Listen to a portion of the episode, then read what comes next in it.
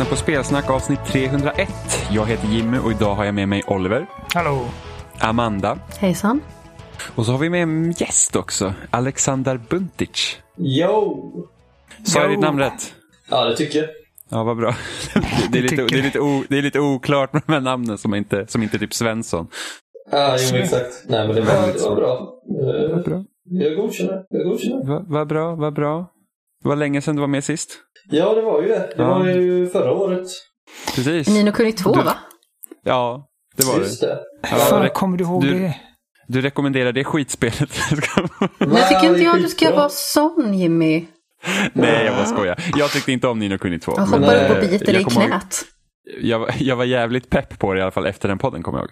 Ja, fan. Men du, spelar inte du det också, Amanda? Åh jo, jag är fortfarande inte klar Ja. med det dock. Nej, alltså det finns ju ganska mycket att göra med det. Ja. Efter, story, efter storyn också. Absolut, nu har jag väl spelat en 70 timmar eller någonting. Åh jävlar. Jag spelade 15 och sen så bara såhär, nej. Nej men det var ju fel Jimmy. ja men det var ju liksom, att jag, jag hade inte riktigt kul. Alltså, ettan är mycket bättre. Alltså jag tycker storyn inte är lika bra i tvåan. Nej, Jag tycker ju. näst, nästan allt annat är bättre. Ja, men alltså, Jo, det men finns det ju var- vissa aspekter i ettan som är bättre. Alltså berättelsen och stämningen är mycket bättre i ettan. Men det är mycket mer svårtillgängligt på det sättet att striderna är så himla svåra så det är väldigt många som ger upp just därför. Alltså jag Ja. vet inte hur mycket jag grindade för att faktiskt klara första spelet överhuvudtaget. För Det att behövs halv... mycket. Vad skulle du säga? Det behövs mycket grind. Ja men halvtidsbossen, alltså Shadar, är Ja. en sån här tredelad boss och han är supersvår. Och sedan så har vi Cassiopeia som är den sista bossen som också är Alltså den är så svår, så jag var helt svettig när jag satt och var klar med den. Jag tror jag satt med den bossen bara i en timme när jag faktiskt klarade den. Det var Ja. helt vansinne. Nemo! Jag kände att det var lite lättare den här gången när jag recenserade eh, remaster faktiskt. Av någon anledning. Jag minns första gången jag spelade så kändes det skitsvårt men det kändes mycket lättare den här gången. Alltså jag är ju så sugen på det. dock... Nej, men det tråkigaste var ju dock att eh, det var ju typ på de svårare fighterna så var det onödigt att använda sina familjer. Så man sprang ju bara runt som Oliver och svingade sin jävla trollspö i en cirkel typ. Ja men exakt. Ja, jo, Det- jag tyckte det var ju-. Alltså, Karaktären heter det. Oliver. Jaha. Nej, Ja. jag åkte hem till Oliver och spelade Nino Kuni så satt jag och red på honom i en ring så då gick det mycket bättre. Eh, men, men jag spelar JRPGs för storyns skull så att jag, jag, jag skiter ju ganska mycket i typ strider och sådana där grejer. Det är bara där för att man ska ha något att göra. Men jag vill ju ha en bra story och där, det var ju där som Nino Kuni 2 föll lite. Och sen så typ inte jättefå röstskådespel, det var jättemärkliga liksom så, här, Ja. så det kändes ju liksom inte som att det hade gett samma kärlek som till första spelet. Fast jag älskar Ja. världen i andra också. Faktiskt. Jag tycker det är jättemysigt alltså- att bara springa omkring som en fåntratt och samla massa glitter och kistor och fast med hans moster. Ja, men jag, alltså städerna också är så jävla fina. Typ. Ja. Jo, Och musiken i hund gamblingstaden. Ja. ja Så musiken. är- jävla bra. Ja, men det går ju inte att gå fel med Hi- Hihashi. Mm, Nej, men precis. Eh, Oliver, ja. hur känner, du att Half, hur känner du om att Half-Life är tillbaka? Eh, jag skrev en tweet om det där nyligen eh, som eh, formulerade det ganska kort och gott att jag är glad att det existerar för att det liksom ger oss hopp om att det tredje spelet kan komma. Vid något tillfälle, liksom att, att varumärket inte är dött. Jag, jag hade ju typ gett upp om, det, om Half-Life för länge sedan. Half-Life, Half-Life. Jag har alltid sagt Half-Life, men nu, nu låter det fel. Half-Life låter... Det spelar ju ingen roll egentligen. Det beror ju på om man har en brittisk eller en Jo, amerikansk vet. betoning. Liksom. Ja. Men jag brukar inte vara, ha brittisk betoning. Jag, jag har helst det. Jag säger ju inte The Last of Us. Uh, Jag har en svensk betoning, Half-Life. Half-Life. Finsk betoning. Nej, men alltså, jag och VR går verkligen inte ihop. Det här, det här är ett sånt spel som jag förmodligen bara kommer kolla en genomspelning på Yout- YouTube för att liksom hänga med i Mm. vad som händer i storyn. Jag Eh, känner lite samma sak faktiskt. Eh, Och sen har Och det jag tillgång till det sätt- till ett Ja. sånt sätt. Jag har aldrig gjort det. Det finns inget spel som jag har kollat igenom eh, någon genomspelning av på YouTube. Jag har aldrig sett liksom poängen med det. Eh, Nej. För att liksom, ifall jag är intresserad av ett spel så spelar jag det. Problemet med uh, Half-Life, Half-Life, Alex. Half-Life. eh, ja, det, det, det, det hålls gisslan på liksom vad är det för, vad är det för VR-format. Det är alla VRs headset som funkar på PC. På PC, Nej, precis. på, Som, på, Steam, på Steam, jag vet inte Ja, på Steam. Men alltså, man kan väl använda alla headset på Steam. Alltså Vive, Index och båda Oculus-headseten va? Eller de tre som finns kanske. Jag tror det. Men det kanske finns något så här, typ billigare, typ Samsung Gear eller något sånt som inte funkar Mm. bra. Ja, nej, men precis. De här jävla typ cardboard VR liksom. Man liksom sätter in mobilen i en jävla liten typ flyttkartong och sen så bara, nu kör vi. det var faktiskt, jag tror det var min första VR-upplevelse med en sån Google Cardboard. Uh, alltså jag, när jag, alltså, jag, jag gillar Half-Life men jag, jag är inte så här, typ, alltså, det är inte så här, åh det här är det bästa som finns någonsin för att jag var liksom inte riktigt med i den svängen när det kom. Nej, jag spelade ju det efteråt också. Men jag tycker fort, alltså när man kliver ut i City 17 i Half-Life 2, det är verkligen så här, alltså, man bara känner hur jävla speciellt det är. Ja, Alltså det är bara att, alltså, även om liksom med de tekniska begränsningar man hade 2004, så även om man sätter sig och spelar det idag, det är någonting med Valves spel som gör att man liksom bara så här, man känner det på en gång. ja. Förutom Eh. möjligtvis det där kortspelet. Det Ja, jo. många- Det var inte många som kände det. Ja men typ Valve eh, från Portal 2 och innan. Ja, jo, men Vad är det där kortspelet? Art, Artifact va? Ja, de släppte något typ eh, Hearthstone, alltså typ de skulle in på kortspelsmarknaden som Hearthstone och Gwent och de här grejerna och sen så det visade sig att det floppade ganska hårt va? Ja, jag tror typ efter några veckor så var det ju helt dött liksom. Ja, och Går var inte det så, så jättekonst, var inte jättekonstiga mikrotransaktioner i det också? Jo, jag har för mig det. Eh, och, och när jag hörde liksom att Half-Life Alyx skulle vara ett VR-spel, jag var så okej men Half-Life, okej, det var kul att de tar tillbaka det, synd att det är VR också för att, ja, det, jag har ingen lust att liksom punga ut pengar för ett VR-headset på PC som man använder till ett spel. Nej, exakt. Eh, men så såg jag trailern och bara så här, oh my god, det ser skitbra ut. Jag tycker Alltså, verkligen det ser helt fantastiskt ut. Alltså jag tror det kommer vara ett fantastiskt spel. För jag menar, Valve, visst de sysslar inte så mycket med spelutveckling men de har ju liksom väldigt bra koll på utrustning. Ja, Alltså det, kom, det kommer ju vara en fantastisk VR-upplevelse. Ja, och sen tror jag med tanke på hur trailern slutar så tror jag att det här kommer taja in till ett potentiellt Half-Life 3. Jag tror att det, det kommer vara en viktig sten till det. Sen är ju frågan om Half-Life 3, det är så här bara, ah, men vi tycker VR är så bra så vi fortsätter i VR. Det hade ju varit Ja. synd. Ja, det hade varit synd. Jag tror tanken är att de vill sälja VR-headset som sina egna. Kanske, men de verkar ju vara ganska öppna med det.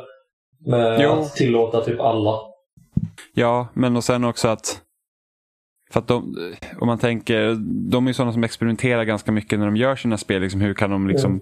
pusha fram media? Det gjorde de ju med Half-Life 2. Liksom hur, att man kan liksom röra sig under dialog. Liksom, det är inga cutscenes och sådana där grejer. Ja. Så frågan är ju, för att här, här verkar just med deras kontroller också att det, det är ju så interaktivt på ett annat sätt. Du är inte bunden till en grej. Mm. Medan du, som till exempel i trailern så trycker hon ju på någon liksom, eh, terminal där. Samtidigt som hon måste skjuta fiender. Liksom, för det, det kan man inte göra med en kontroll. För ofta du, du håller in knappen på en terminal och sen så är du klar med det och sen kan du skjuta fienderna. Ja, alltså det kanske, du- går, det kanske går att göra något sånt om man typ följer Gang Beast-modell där man kan styra hand- armarna samtidigt. Liksom. Det, blir inte, det är ju svårt att göra någonting realistiskt. Simulator. Liksom. Exakt. men, men så att det, det är liksom så på den nivån. Men ja, ja, ja, jag var ju såhär, åh, man måste kunna fulhacka PSVR till datorn. Kommer det få sitta går. Nej, Ja. jag vet inte. Jo, alltså det ska gå. Sen är ju frågan om hur gör man med kontrollerna? Måste jag köpa? Alltså, hur, hur, alltså så här är det. Jag kommer ju förmodligen inte spela det här spelet på launch utan någon får ju försöka fulhacka det först så att jag ser att det fungerar och sen så Ja, bara, ah, vad exakt. bra, då kan, jag, då kan jag göra som du eller någonting. För att Man kan jag kan köpa tänka- de där kontrollerna liksom till så får man ju spelet på köpet eller vad det var. Precis, och så kan jag liksom sitta där och typ se jättesuddigt. Ja. I, det är typ det värsta med PSVR, att det är så jäkla dålig upplösning. Ja, Ja. usch. Ja, det är verkligen så här, man bara, ja, Tetris-effekt är jättefint. Synd bara att allt är typ utsmetat. ja, det, det är inte bra faktiskt. Nej. För jag, Så. jag, jag spelade ju Vive när det släpptes och tänkte det, redan då att det var lite suddigt liksom i jämförelse med vad man är van vid. Men Mm. PSV har ju liksom det är så sjukt mycket mer suddigt. Ja, Då kollar jag vad en Vive kostar om man ska liksom ha alla de här kamerasystemen och kontroller. Bara 15 000, jag bara aldrig i livet. Nej. Det är liksom inte 15 000 plus ett spel på det. Nej, Det- det- bättre att spara pengarna till nästa generations konsoler. Ja. för Du har ju råd med båda då. Yes, det vill jag ha. Så det, det är nice. Det ska bli spännande. Ja, det ska bli jävligt spännande. Ja. Eh, du hade också spelat Death Stranding va Alexander? Ja, jag har spelat kanske 10-15 timmar skulle jag gissa på. Mm. Ja, då har du kommit en liten bit i alla fall.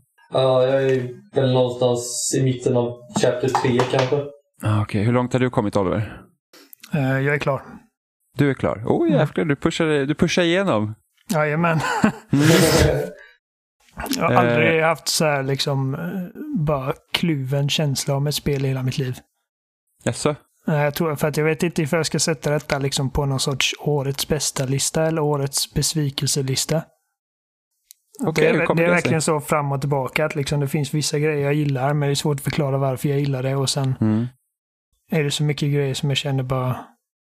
Alltså detta är mannen som gjorde Metal Gear Solid 2. Och 3. Metal Gear Solid 2 är så jävla bra alltså. Fy Eh, fan. Också mannen som gjorde Metal Gear Solid 5.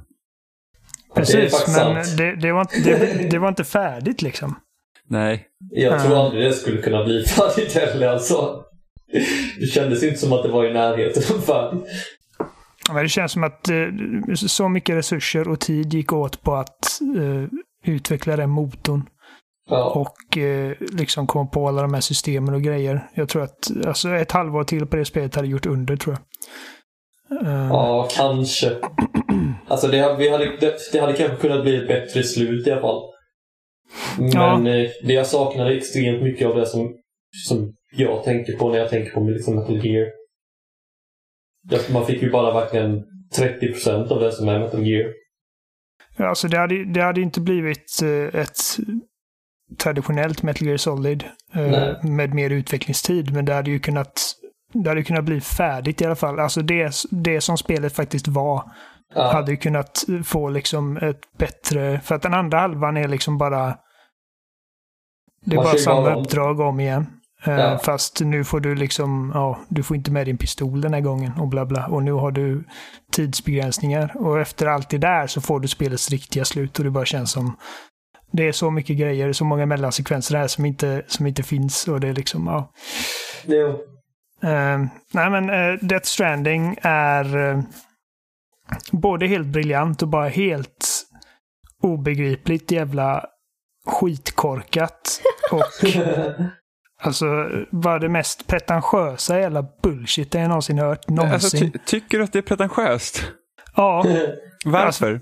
för att jag har läst igenom alla de här jävla loggarna och grejer och liksom det bara märks typ att alltså alla de här typ alltså mailen och inte mailen i lika stor utsträckning för de är mest liksom olika karaktärer som ger dig tips på vad du kan göra och säger att du är en legend.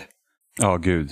Eh, Och det är liksom en sån grej typ att eh, det snackas om att ja men eh, Sam Porter Bridges han är liksom ingen superhjälte eller supersoldat. Han är bara en vanlig snubbe. Men nej, alltså från första början Ja. så är han liksom du är den mest legendariska liksom typ. Alltså, Alltså, han är okej. liksom Employee of the Month på Postnord. Ja, precis. Alltså, okej, han är liksom inte, han är inte Solid Snake. Han räddar inte liksom, han har inte räddat världen från kärnvapenhot liksom tusen gånger. Men, Men han posten är kommer fram i tid. mest legendariska brevbäraren någonsin.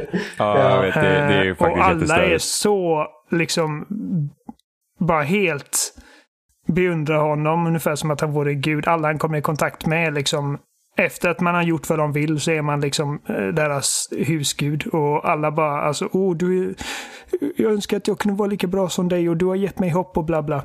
Det är ändå konstigt för jag får inte det här intrycket när jag spelar spelet men för, för mig känns det lite som, visst vissa, vissa har- får ju den liksom känslan av att de höj, höjer honom till sky, skyarna liksom. Alltså jag spolar förbi, alltså typ alla dialoger med de här hologrammen som inte betyder någonting, de typ bara klickar förbi. Eh, Ja, nej, jag, jag har tittat på allt. Förutom Nej, mellansekvenserna. Alltså jag hoppar över när han lä- lämnar in paketen för de är jag rätt trött på. Ja. Och Ja, det när man recyclar och det kommer upp en bild på pres presidenten och bara Ja, thank you for your service. Bara, bara, det där hoppar jag över. Men all dialog har jag lyssnat på. Jag har läst alla de här interviews som det kallas. Och Mm. det är alltså, jag vet inte hur, men det skulle inte förvåna mig om det var hundra. Och... Ja, det är eh, mycket. vad sa du? Det är mycket. Det är mycket, ja precis. Och eh, alltså spelet tar tid på sig flera gånger att försöka förklara vad som händer i spelet. Men de svarar inte på några frågor utan de bara liksom ställer nya frågeställningar. Och de bara åh, så det är liksom det här med BBs och bla bla, de gör ju så här och så här. Men faktum är att vi vet inte varför de gör så och så. Och så liksom, det blir bara mer konstigt när de försöker förklara det. Och när Jenny har suttit liksom och kollat lite grann när jag har spelat. Och, alltså, och typ nu i slutet så sa hon, fattar du, fattar du fortfarande inte vad som hände? Jag bara, ingen aning. Jag har ingen aning. Det är liksom... Det är, svårt, ja, det är svårt att säga utan att liksom gå in på vad det är som händer och det ska vi inte göra givetvis. Men det är bara så jävla flummigt. Och bara en sån grej typ alla de här interviews och skit där alltså, jag bara känner liksom att det är Hideo Kojima som har liksom tagit delar av sin dagbok och bara slängt in i spelet bara för att den, de här tankarna är för briljanta för att inte läsas liksom. Det är typ hans filosofier och grejer. Men sk- skulle du, känna, skulle du säga att intervjuerna påverkar ganska mycket av resten? Nej. Nej, alltså jag menar liksom... Eh, skulle inte jag, om jag inte tar del av intervjuerna, skulle jag få en annan bild av spelet? Inte, inte nöd- nödvändigtvis att jag förstår det mer, utan bara att jag inte... Alltså... eh, Jag tror nu, att Jag vet inte. Jag tror inte det.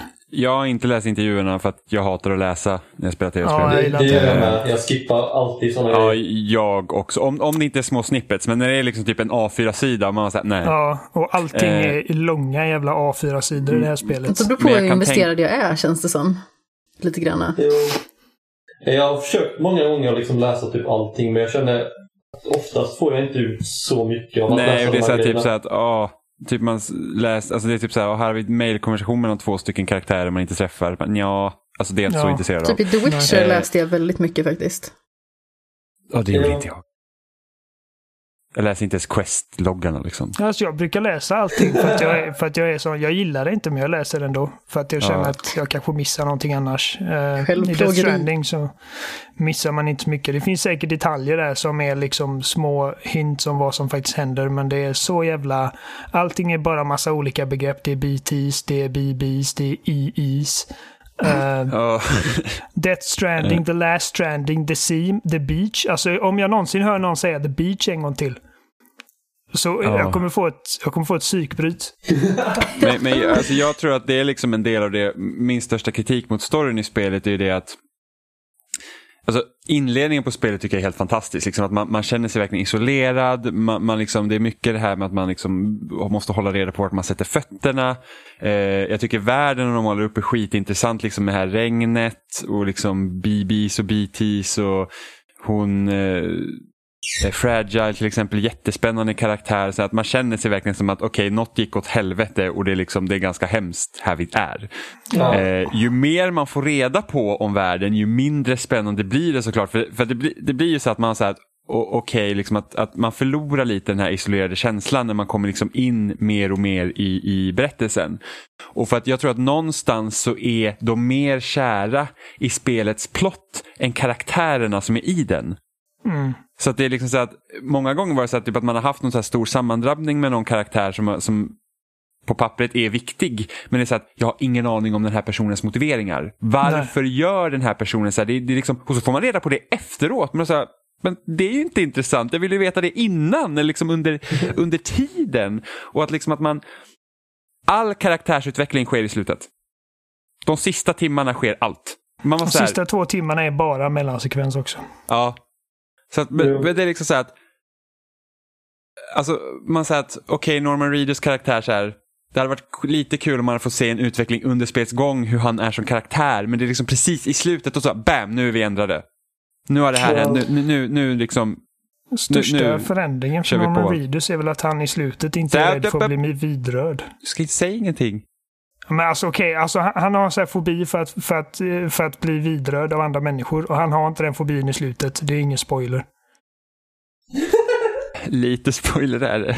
Hur? Det Ja, men- kan vara en spoiler. Det kan ju vara spoiler. Det är ungefär så här, vi låter det vara. Hur man tolkar I alla fall, det, det, finns, det finns karaktärsutveckling i, i många av karaktärerna men det sker de sista timmarna. Och det är så här att hur hamnar vi här? Är ju liksom frågan. Ja. För att, för att det Jag liksom inte begriper hänt. inte någons eh, motivationer egentligen. Och sen, Alltså, jag känner ändå, nu har jag bara sett Fragile upp dit, men jag känner ändå att man får en ganska bra kurva där. Med ja, men Fra, Fragile. Fragile är också en av de bättre karaktärerna. För jag känner att det är skitbra där med henne, hur, man liksom Ja. får reda på hennes motiv motivation och varför hon är liksom ja, vill Yes. göra det hon vill göra liksom. Ja, Fragile är bra, men det är liksom att det, det oftast inte får du det av de andra karaktärerna. Liksom, eller det är liksom, bara- alltså, det blir, det, man, man blir för involverad i spelets plott. Alltså det här liksom att det blir lite för mycket anime kanske. Och sen så, så liksom att det är viktigare än, än, än att de här karaktärerna befolkar världen. Så det är lite synd. Fan vad jag stör eh. mig på allas namn. Fragile, vad fan är det för namn? Ja, men hur annars skulle du förstå, Oliver? Fragile. Och alltså hon säger det typ tre, fyra gånger i spelet bara. I may be fragile, but I'm not that fragile. Och hon uttalar ordet fragile olika på, liksom, beroende på ifall det är det första eller andra i meningen. Och jag stör mig som fan. Och det är liksom, alltså det är vissa av dialogerna mot slutet. Det är bara så, bara, jag cringear. Och det är, för att det har alltid funnits så här cringe i dialog i hans spel. Alltså i Metal Gear Alltså, är ju Solid finns det hur mycket som helst. Det är ju det han Men- gör. Ja, men de spelen har alltid varit liksom så här glimten i ögat och liksom alltså medvetet barnsliga i vissa fall. Typ som bajshumor och sån skit. Ja, för jävligt. Det här Men- spelet jag- tar jag sig tycker- på så jävla stort allvar. Jag har inte den bilden heller. Alltså jag tycker, alltså visst det tar ju, själva storyn tar sig väldigt mycket på allvar men jag tycker det finns den där komiska delen som vanligtvis finns i Kojimas spel ändå. Alltså det finns så här små typ ögonglimt, ögonblick. Typ som att det är en karaktär som tittar in i kameran och ger en tummen upp och så får man likes liksom. Eh, Men alltså det är inte riktigt den... Nu ska inte jag sitta här och säga att jag tyckte att bajshumorn i Metal Gear Solid 4 var liksom det bästa med det spelet. Va? ja, det, var, Men, det var ganska dåligt. Jag tror att ingen är förvånad om du skulle tycka det. jag vet inte vad han Johnny sitter där i tunnan och har diarré liksom. och det är Nej, men typ, fy fan. det, Jesus. det, det är så jävla fjantigt men det är ändå... Alltså... Det spelet, de spelen är ändå liksom formade en annan sorts mindset. Liksom. Att det, och det, det spelet har också en massa jävla konstiga begrepp och, eh, och namn på grejer som, som man inte förstår ifall man inte är liksom...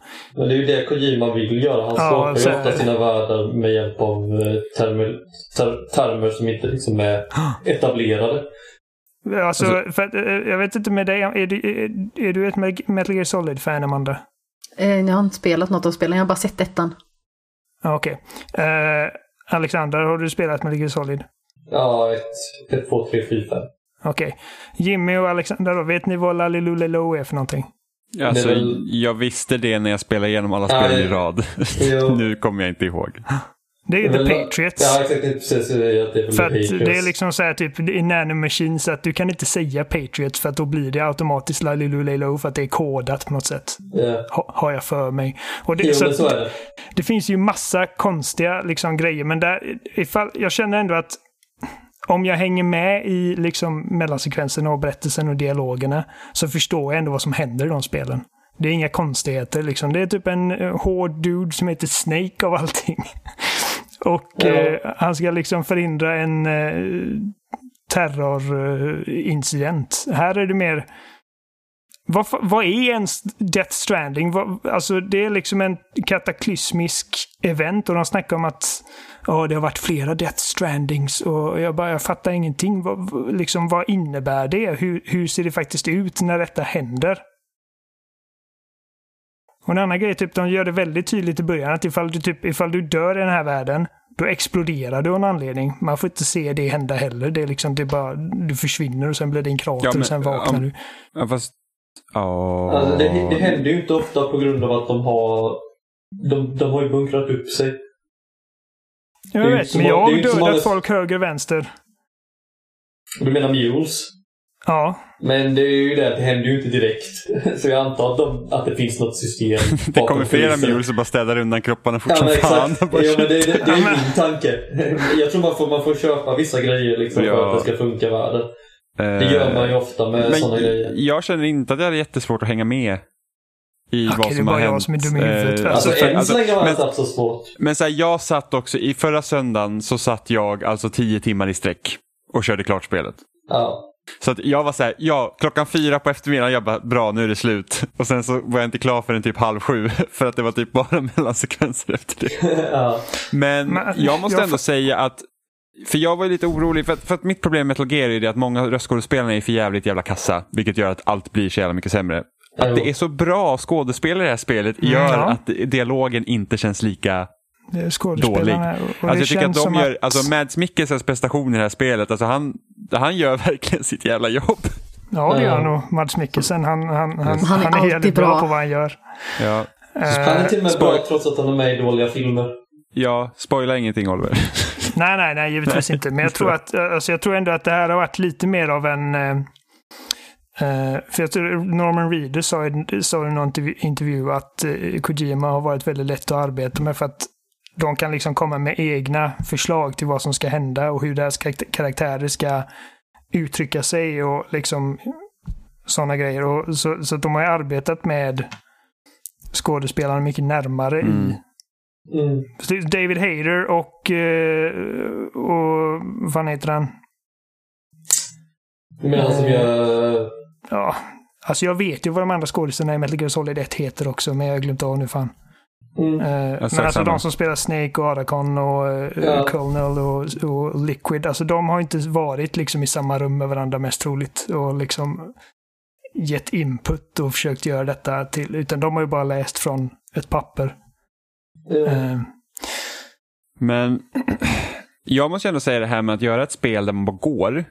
Är, liksom, tycker jag superintressant. Vi skojade om det här tidigare när man inte visste vad spelet riktigt var. Jag bara, men Mm. det här kan vara den dyraste walking simulator någonsin. Liksom. Jo. Eh, och sen sa det kommer det förmodligen inte bli, haha, men det är i princip vad det är. Eh, Mm. Jag tycker dock att den öppna världen gör inga spelet jättestora tjänster. Jag tror det hade varit bättre om det hade varit mer linjärt och där faktiskt utmaningen ligger i att du ska ta dig runt omkring. För att ju, när du får tillgång till fordon och lite bättre gear och sådana där grejer så blir inte gåendet ett lika stort problem längre. Vilket Nej. gör att då blir det bara irriterande mer eller mindre. Så här bara, åh, nu ska vi gå dit igen och nu ska jag gå hit fram och tillbaka igen.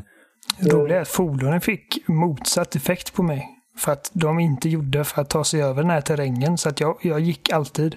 Va? Jag liksom- pressade mig med de där. Ja, jag bara, nej, jag har en men, motorcykel, alltså, jag lämnar fan inte Ja, den här. jag, tycker, jag tycker motorcykeln funkar skitbra, förutom när man kommer till de där terrängerna där det är jättemycket liksom, småstenar konstant. Där man bara Nej, krockar. jag, jag kämpar på alltså. Ja, är Den, så- den bara skriker och sabbar min cargo för att det vibrerar för mycket. Och det är liksom, alltså jag, jag slutar använda fordon ganska snabbt. Ja, ja, det, är, Nej. det är en miss.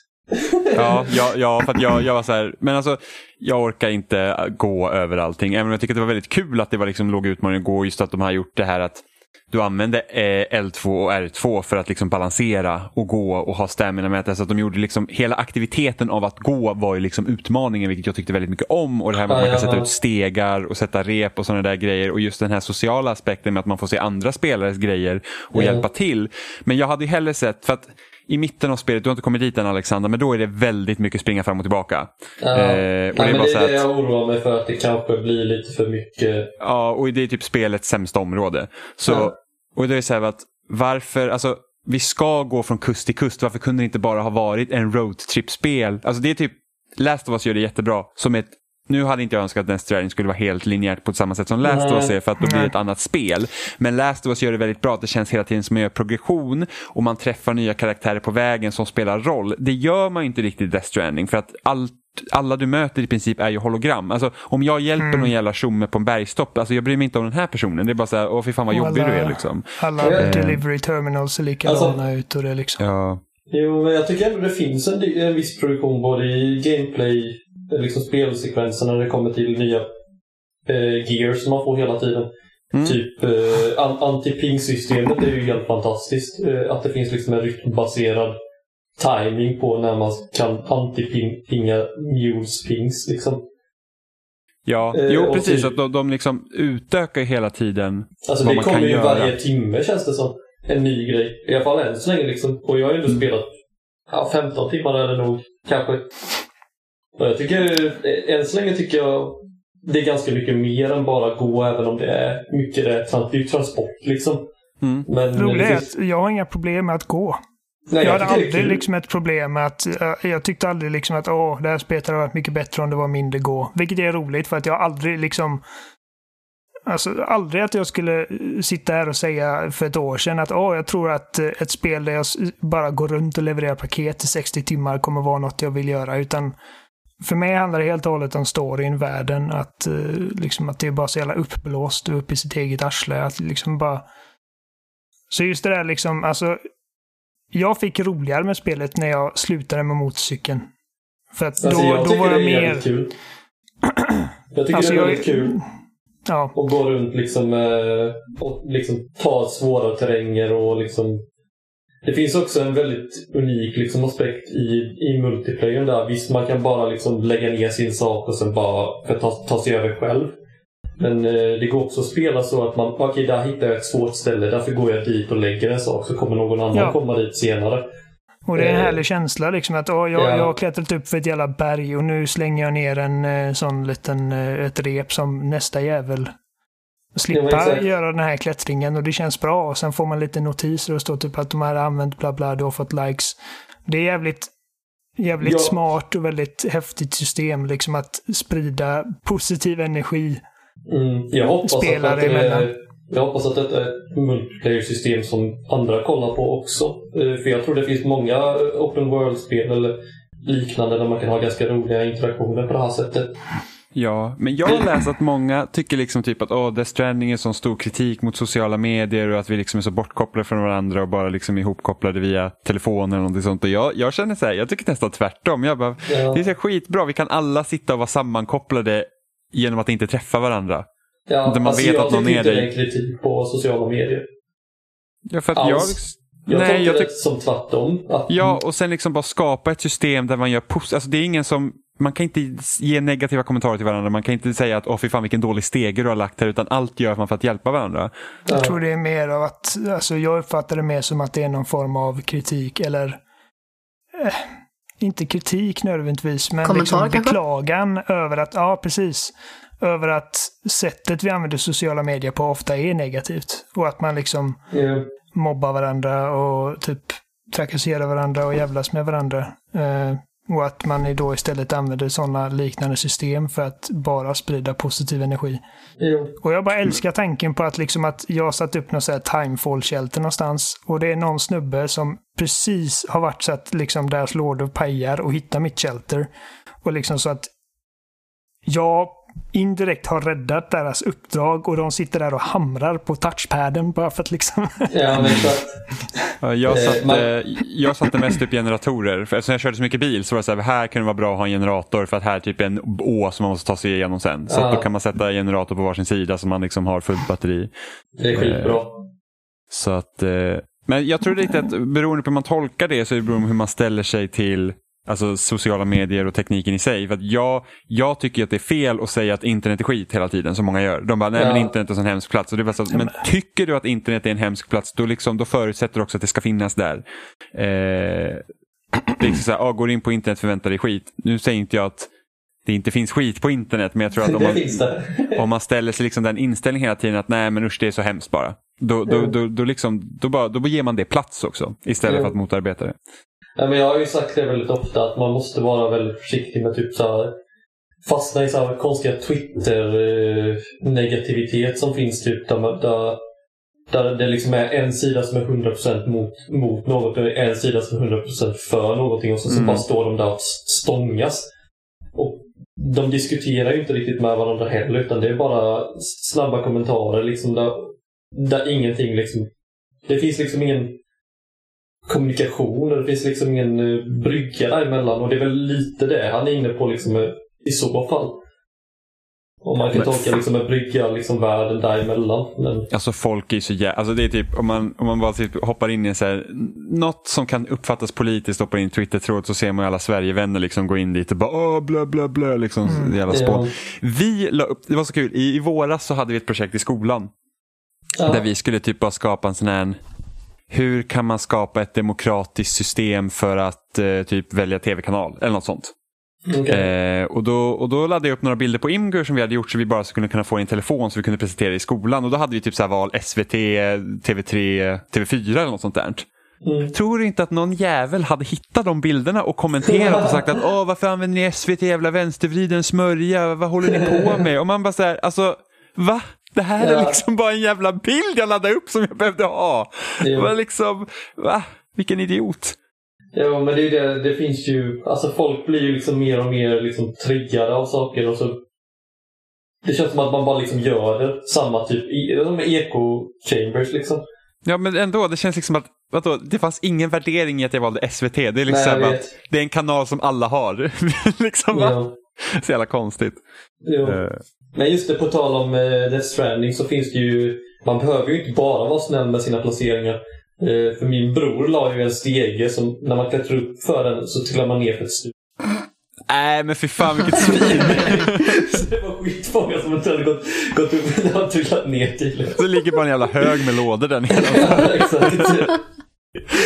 Han testade ju själv och se hur, hur, hur, vad händer när jag går upp på några steg och det enda som hände var att han trillade.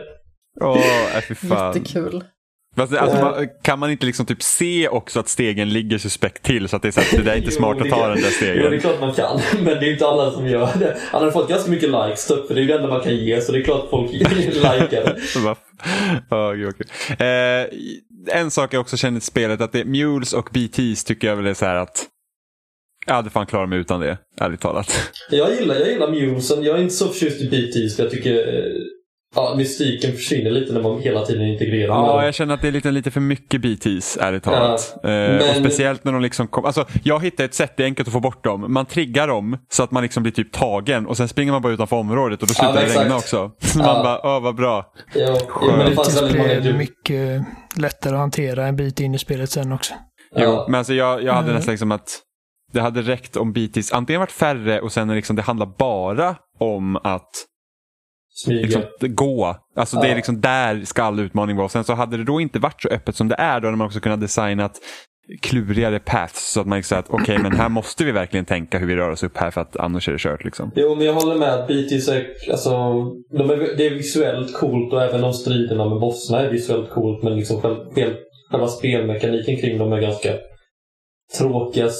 Alltså det är, det är, det är inte något som, som tillför liksom. Jag, jag hade önskat att det var mer liksom ur ett storyfokus, eller liksom berättelsefokus och att spelmekaniken kanske var mer tillbakadragen.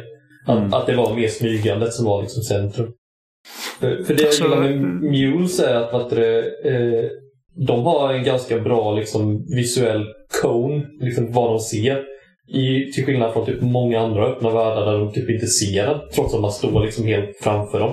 Mm.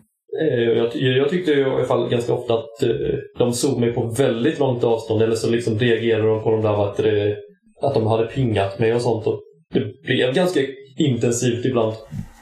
Sen jag tyckte Mules blev eh, roligare när man faktiskt bestämde sig för att fighta tillbaka och inte bara springa ja. ifrån dem. Alltså, den här jäkla, ta en låda här... och slänga ansiktet på dem.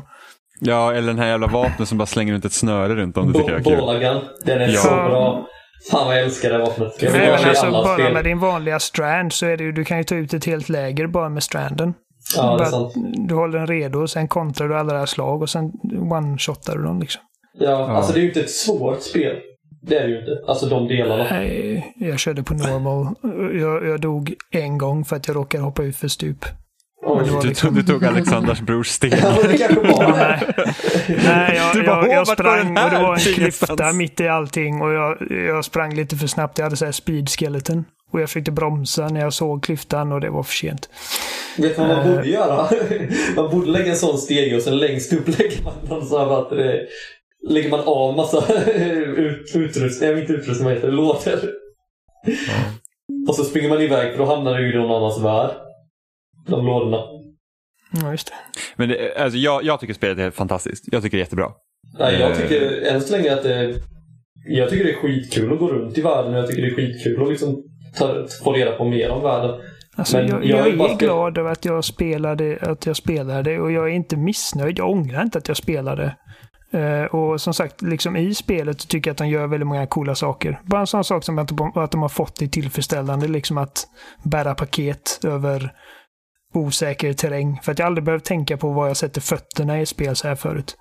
Uh, och Mm. hur det påverkar en och balansen och allt det där. Det, det där Det- gillar jag. Det, det är, jag. eh, det är allt annat. Det är som du sa förut att det är liksom visuellt slående och visuellt coolt eller vad. Det är vad hela spelet är. Det är liksom en naken man som håller på och vaggar en, ett foster i, i famnen på en strand där det ligger massa strandade valar täckta i tjära. Och så har du liksom typ fyra silhuetter som svävar i luften. Och det, är liksom, det känns som att det är någon sjuk jävel på Kojima Productions som har bara... Här är liksom en konceptskiss för någonting som ser coolt ut, typ en tavla eller någonting. Och sen så har Hideo Kojima hittat på olika ursäkter till varför maskar kan sväva upp i luften och grejer. Och det är liksom... Men jag tycker det, alltså, det är ju det jag tycker är ganska intressant med just eh, Kojima. Det finns ju andra spelskapare som gör det också. Att de skapar världar som inte finns. Det är ju därför man vill spela och det här är ju en sån värld. Den finns inte. Den kommer aldrig kunna finnas i vår värld. Han skapar det och det funkar. Än så länge i alla fall. Jag, jag tror på den världen jag går runt i. Jag bara känner mig så jävla dum. Alla bara ja, men jag fattar precis vad de snackar om. Jag vet inte du vad en beach är. Jag bara nej, jag vet fan inte vad en beach är. Det är Nej, liksom... nej, kan, vi ska inte prata... Jag vet inte vad vi ska prata om. Det är typ efterlivet liksom. Alltså Men det är mer- pers personlig space för, för den, den personen liksom. Alla har, Ja, jo, alla så har långt sin, jag med. alla har sin liksom- egen beach liksom. Ja, och alla ser exakt likadana ut. Ja, Förutom eh, Mikkelsens. Som ser väldigt annorlunda ut. Nej, men alltså, vi, vi kan inte anta att allas beach Nej. likadana ut eftersom vi har inte, vi kanske bara har varit i två. Exempelvis. Eh, Men vi Alltså, ska inte vi gå in på det. Nu, men, hur, eh, ja, hur Hartman såg nu, ut. nu, nu, är vi, nu är vi på spoiler-territorium. Så att, eh, Alltså, jag, vill, jag, vill, jag vill prata mer om det. För att alltså jag... Typ, typ som Amelie alltså. Hon är helt, alltså det, världens konstigaste karaktär Ja, men, vi, någonsin. vi, ska, vi ska inte prata om det. Det, det är väldigt uh, spoiler-territorium om vi ska prata om det. Vad kör vi? 20, 20 timmar in max? Typ? Eller, eller det? Inte för mycket story? Nej, alltså vissa av de här sakerna rör ju vid slutet. Ja, okej. Då ska Så- vi inte så var så om jävla det. Då ska vi frustrerad att prata om det. Alltså, vi ska inte som sagt, jag satt i slutet och jag bara, alltså jag ska snart gå och lägga mig. Jag måste upp och jobba imorgon. Men alltså så fort de här mellansekvenserna är klara och Kojima har slutat spruta sig själv i munnen. Så, så ska jag gå och lägga mig och det liksom bara fortsätter och fortsätter. Ja. Tre gånger fick jag titta på mellansekvenser. Eller jag, eh, eftertexter. Och ingen av dem gick att hoppa över. Alltså, man liksom bara, åh det kommer typ liksom ett namn i taget på skärmen. Och ingenting, liksom man är fortfarande i kontroll över sin karaktär. Ja. Ingenting det- händer. Var det Och sen så- att eh, Kojima blev kritiserad för, för att han inte ger eh, tillräckligt mycket kärlek till resten av Mm, tiden? så han bara fuck you! Nu jävlar jag ska Ja. se ett namn är- i timmen. Men det gör han ju alltid. Han ger ju alltid kärlek i spelen. Alla credits han gör, är allt, eller de gör liksom i Ja, spelet. speci- och speciellt många. Metal Gear Solid 5 var ju verkligen så här, det här är alla som har gjort det här uppdraget. Ja, exakt. Liksom de, de bärande namnen på det här uppdraget är de här Ja. personerna och sen så... Ja. Jag vet inte, jag har aldrig förstått den liksom hela den grejen. Jag förstår ju liksom att det kan se väldigt dumt ut när han skriver att det Jo, men alltså folk är, alltså jag tror att folk är lite snabba på att liksom hoppa på på folk. liksom Jo, det bara, åh nej, det- där såg jag inte något som gillat. Så istället för att liksom ta benefit of the doubt så är det liksom så här, bara, åh fy fan vad vidrigt. Jo, men det är ju det Eh. Twi- Twitter och sociala medier blir ju det. Att det blir, Jo. det blir ett sätt att direkt kunna liksom... Men, men man måste ju också kunna ha återhållsamhet för att det samtidigt är så här att, för det, det är väldigt bra, han Rami, vad heter han, Rami? Fan heter han? Jag följer honom också. Ismail. Ismail, precis, tack. Ja. Eh, jag känner en person som heter Ismail också så jag tänkte, var det hans efternamn eller inte? Men eh, så, eh, han sa ju det också liksom att, att, att eh, Alltså sådana som liksom har engelska som modersmål ska liksom vara försiktiga med att liksom hela tiden hoppa av folk som inte har det för det kan Jo. vara svårt att uttrycka sig. Ja. Och det knappt blir fel. Nej, nej. Har ni sett han typ på E3 eller på Game Awards? Han liksom bara... Hello everyone! Hope you like it. Ja. Eh, så, så, så att det, så att, ja. i Det, Vad är Dooms? Doom Så- säger ju... det är ju det Alltså, som det är är, det är det det är som är, han har, i- alltså det är de som har det här speciella blodet. Som Ja, gör att man kan ha på, Ja, men hur? Vadå hur? Var, varför, har de, liksom, var, varför har de Dooms? Hur blir man en snubbe med Dooms? Jag kan inte förklara det utan att spoila. Men ja, det enda jag vet är att i början, beroende på vad man väljer, så får man väl mer eller mindre dums. Fast jag Ja, vet det, det, det, jag vet att beroende på vilken... Vissa stjärntecken är mer... eh, Alltså... Är mer benägna att ha duns än andra. Det, därför Ja. fick du skriva in ditt födelsedatum i början. För att Så alla du, som har Dooms kan liksom typ pissa på BT så de dör. Kanske. Ja, men alltså det, det, du har väl visst starkare eller, eller mindre. Alltså det, är så här, det är liksom precis som en vanlig människa har inte alla egenskaper som Nej. en människa kan. Alltså du, jag kan saker som inte du kan, du kan saker som inte jag kan. Och det finns liksom folk som kan se i mörker för att de har evolutionärt utvecklats på det sättet. Ja. Men också Så- att det ett ganska bra exempel är ju ganska tidigt in så träffar man ju Fragile. Hon, hon har ju mer dums. Så att hon kan se eh, BTs. Det kan ju inte Precis. du. Nej. Så att hon har mer av den här kraften. Så kan, du kan bara känna BTs. Men hon Till kan, när ni kan förklarar så låter ni helt jävla obegripliga. se. Alltså, jag liksom- tycker den delen är ganska tydlig. Hon har mer Dooms. Ja men det är bara, hon har bara mer av den egenskapen Ja, som men du gör måste, som man kan du måste integrera. titta på mer anime Oliver, Ja. för vi kan ju det här med power levels och sånt skit. Ja, du alltså, exakt. Fått det är era som man- hjärnor mosade oh my god, min styrka är 300. Man bara fuck yeah! Ja, men så- 300 i styrka, nu kör vi! Ja, Mer Dooms. Alltså, Jag känner att vi kanske skulle behöva prata om fler spel, för vi har tre stycken spel till som Ja, vi ska prata om. Så det känns som att Vi kanske inte ska fastna så mycket i vad ska- är X och Y i Death Stranding. Det är Vi ska- svårt att inte fastna. Vi, vi ska Det är därför jag inte säga det en där sak möget. Men det, var, är ett bra till? spel. Eh, Jag, jag tycker ju överlag att, det har varit ganska dåligt med förklaringar kring vad man faktiskt gör i spelet. För oftast är det typ ganska basic. Typ, ja men du går runt och du typ lägger stegar. Och jag tycker ändå det finns ganska mycket mer i spelet. Liksom när det kommer till den här sociala aspekten. Som jag tycker många recens- recensioner har missat. Liksom, och mer hur liksom gameplayet utvecklas hela tiden. Mm, Jag antar att de inte... Får Alltså, säga. eh, antingen inte får säga eller liksom så att det var inte så många som spelade först. Så det kanske var begränsat. ah, du tänker nätverks... Ja, liksom. precis. Ja, det kan det vara. För jag, jag, ni, många gånger när jag har läst, jag läste ju recensionerna och jag kände liksom, när de började prata om gameplay och sånt, så kände jag inte riktigt att det var 100% det jag själv liksom upplevde. Det var ju, det mesta, eh, det mesta var ju walking. Gå Ja. runt och leverera paket, men det fanns ju väldigt mycket lager kring alla gears man får, hur man kan använda dem och, de aspekterna kändes väldigt mycket som Metal Gear-spelen. Typ de här decoy-grejerna som finns i Metal Gear Solid 5 fanns ju i stort sett. Ja, Ah, men precis. och antiping och granater och grejer som gör ljud. Och alla grejer som man kastar reagerar ju musen på. Så jag kastade iväg, typ, jag tror det var någon grej, någon låda jag inte behövde. Något sånt. Så gick de ju dit bort. Ja. Så, Ja, det, det- så det finns ju ganska mycket system inbakade i gameplay som är liksom mer än bara gå runt och, och trycka L1 och R, R, R1 och hålla inne de två. ja, så är det. Så är Men det. det är, det själva grunden är ju såklart god. Men jag tycker nyansen missas lite i många recensioner. Än så länge. Mm, ja. Men det är också, jag kan förstå det för de var ju väldigt stressade för det är ett jävla långt spel och de, alla vill ju få ut det. Och även om deadline, och även om de hade ganska lång tid på sig i och med de hade, vad var det, en vecka innan embargot så är det ju ändå 80 timmar typ för vissa.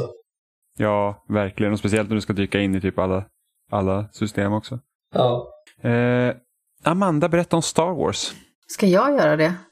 Ja. Okej. Du har inte fått prata så mycket. Så. Nej, det är för att ni har suttit och eh, vet inte vad ni har sysslat med. Lägereldspratat O- om Oliver, Death Stranding. Oliver försökte bli klokare. Det var liksom redan kört från början. Åh, herregud. Eh, ja, men vi är väl allihopa som har spelat Star Wars, va? Nej, inte jag. Inte men du. Jag, jag, jag lyssnar gärna. Eh, ja, nej men eh, vi eh, tre som är medlemmar i eh, Spelsnack har ju spelat eh, Star Wars Jedi Fallen Order i alla fall. Och eh, alltså, det jag tycker om spelet personligen, det är ju att det är väldigt vad ska man säga? Det känns ju uppenbart att det har tagit väldigt mycket inspiration av många spelserier. Alltså vi har ju dels som många säger Dark Souls, men jag har ju liksom inte spelat den spelserien så jag tar ju inte de referenserna på något vis. Eh, jag har bara liksom tafsat lite på Bloodborne, vilket är typ det närmsta egentligen. Men Gud, Bloodborne är så bra. ja, jag eh, sprang in i en gränd och dog. Det var typ min upplevelse. Men, Det är allas Ja, jag- upplevelse. jag I alla fall. Men det är väldigt mycket så här Tomb Raider och Eh, Uncharted också. Vilket jag tycker väldigt mycket om i och med att jag uppskattar de spelen väldigt mycket spelmekaniskt. Bara det att naturligtvis så kan det vara väldigt mycket skjutande och så i de spelen, vilket det inte är här. För att man använder sin ljussabel väldigt mycket. Eh, jag tycker att det är väldigt roligt med allt det här, liksom så här klättrandet. Eh, det är väldigt bra involverande av olika typer av eh, förmågor. Man har ju till exempel förmågan att eh, använda kraften för att dra åt sig saker, att trycka ifrån sig saker, man kan springa på väggar.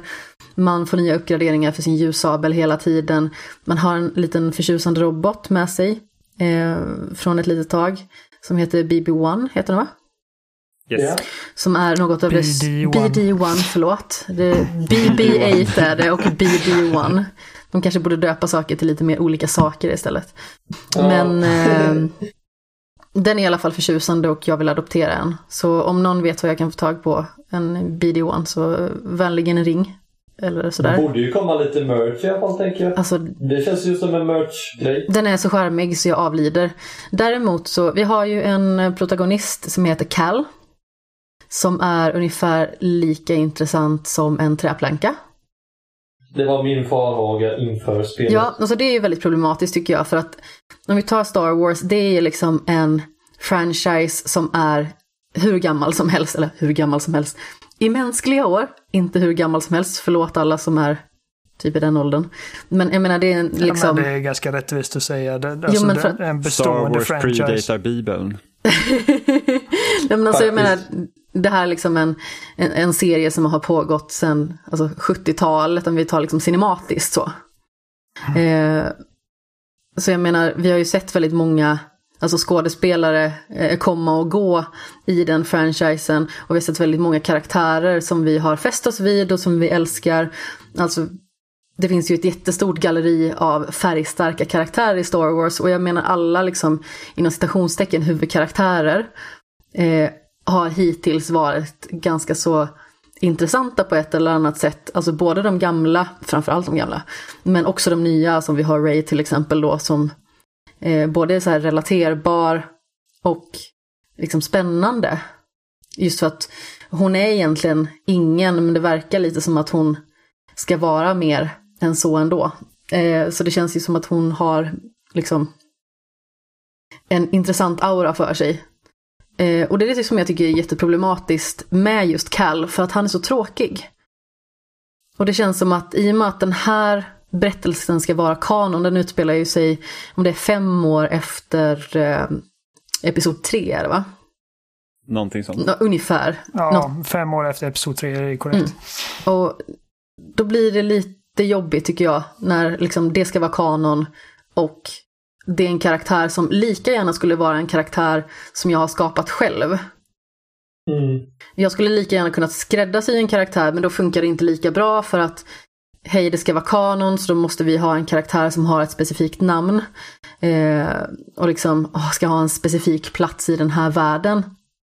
Och det känns som att de skulle behövt göra honom mer färgstark för jag tycker att det är ganska så få karaktärer egentligen i spelet i allmänhet som är färgstarka. Jag menar det är typ BD-1 är en av de mest färgstarka karaktärerna och den säger Bebop. Hmm.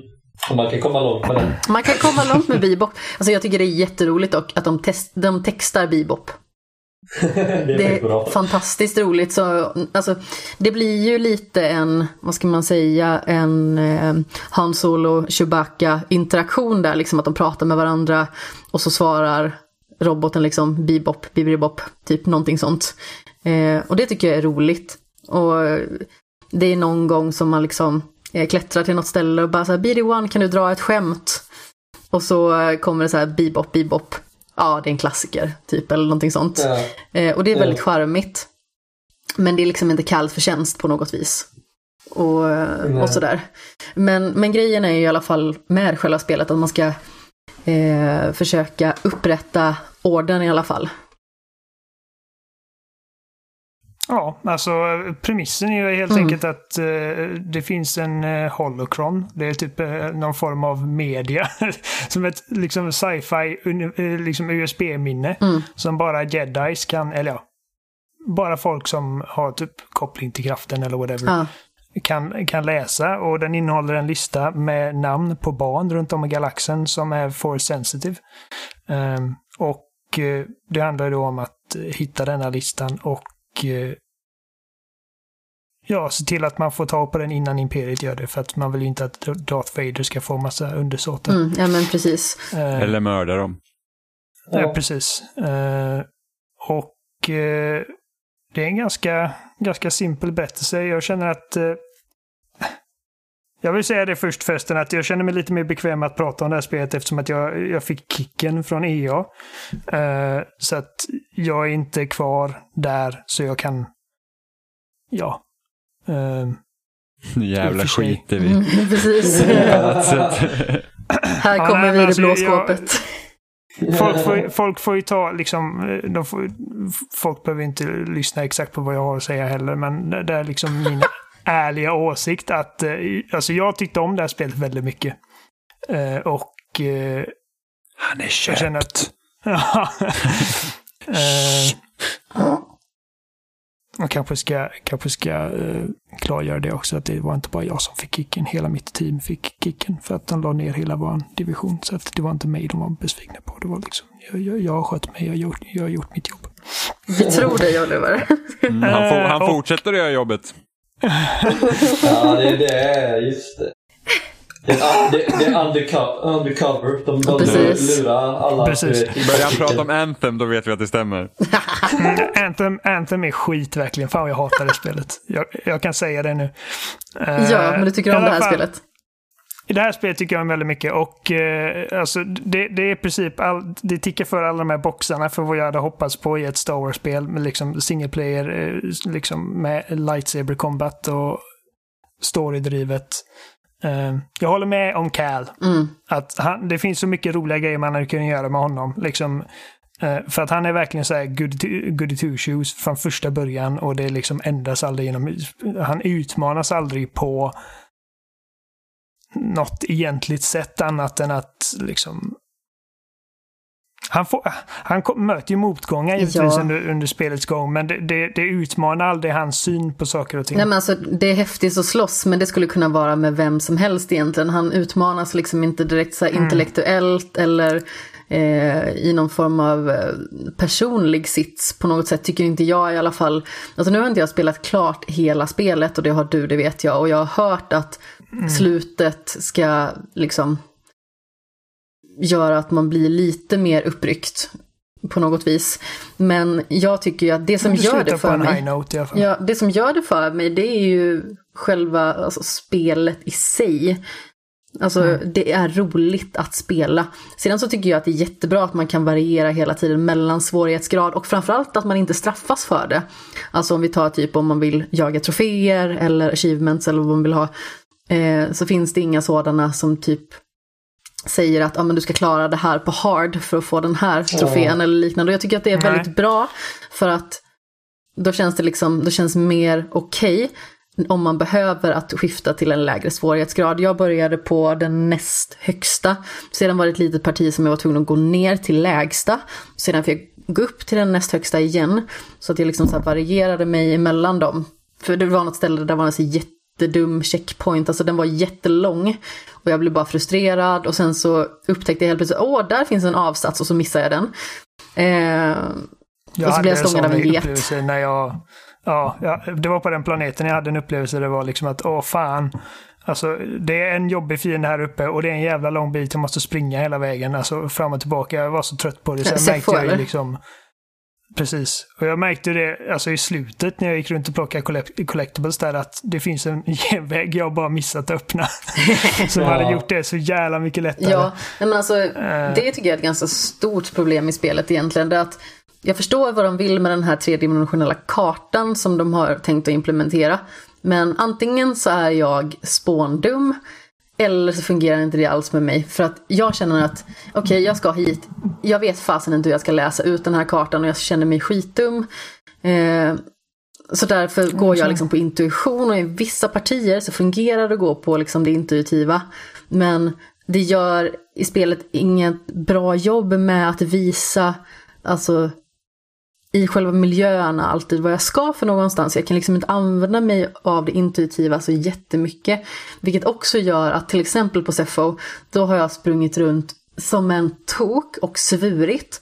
För att det blir för labyrintigt. Alltså det var samma sak i och för sig på eh, första planeten. Eh, när man liksom får sin springa på väggen förmåga. För att, Den minsta planeten. men precis, men då, då gick man ju liksom ner och så hämtar man den förmågan. Och sen var det liksom ingenting som pekade på att ja, men då ska jag upp igen. Så det tog jättelång tid innan jag fattade att okej, här var den här springväggen som jag hela tiden letade efter. Men det var ju för övrigt jätterunt. Man får så här, nu kan du springa på väggar och så är det bara specifika väggar man kan springa på. Det var, jag, jag var så här, vad fan, är det något jag gör fel? För Jag att har jag inget stort på problem med första det här. bästa vägg liksom. Alltså, Alltså- jag har ju hört många som har haft problem med typ så här movement och sån rörelsen i spelet överlag och typ greppa i Ja, alltså, han, han kan vara lite finicky, speciellt när det finns så här olika slide-partier. Då kan man liksom slida på ett sånt Fast sätt. slidepartierna liksom, är kul. Ja, du, jo, de är Nej. roliga när det funkar, men det kan vara så att oj, nu hamnar du lite långt till höger och då av momentumet så åker du liksom av. Jag tycker problemet är Eh. framförallt när man ska hoppa till saker. Eller så här, om man ska Ja. svinga sig till exempel och hoppa till saker i lianer och dylikt. Eh, för att han är väldigt sladdrig som karaktär. Alltså hans ben, jag vet inte riktigt vad de sysslar med, de är ju liksom felinsatta i röven. Eh, för att de liksom är överallt verkligen. Så han är Ja. jättesladdrig som karaktär på många sätt. Men oftast när man ska klättra så tycker inte jag att det är någon jättestor problematik. Utan det är snarare liksom när man ska springa runt och hoppa och ha sig. Eh, Däremot så tycker jag att när man ska slåss, visst det kan vara, ibland kan det vara lite knivigt för att man tycker liksom att man träffar och så gör man inte det. Men alltså jag tycker det är jättekul att slåss framförallt. Alltså jag tycker det är så tillfredsställande. Och jag blir, jag blir så nöjd, liksom, alltså, dels när jag kanske gör några häftiga moves med min ljussabel. Eller när det kommer laserskott från en stormtrooper. Man blockerar Ja, det, och det bästa. skjuter tillbaka. Alltså det är det bästa jag vet. Jag har typ Det det suttit och tagit på mig själv samtidigt. Det Deflekta är så bra. alltså. Ja. Alltså, dock, Ehm. dock tycker jag att spelets strider inte är jätteresponsiva.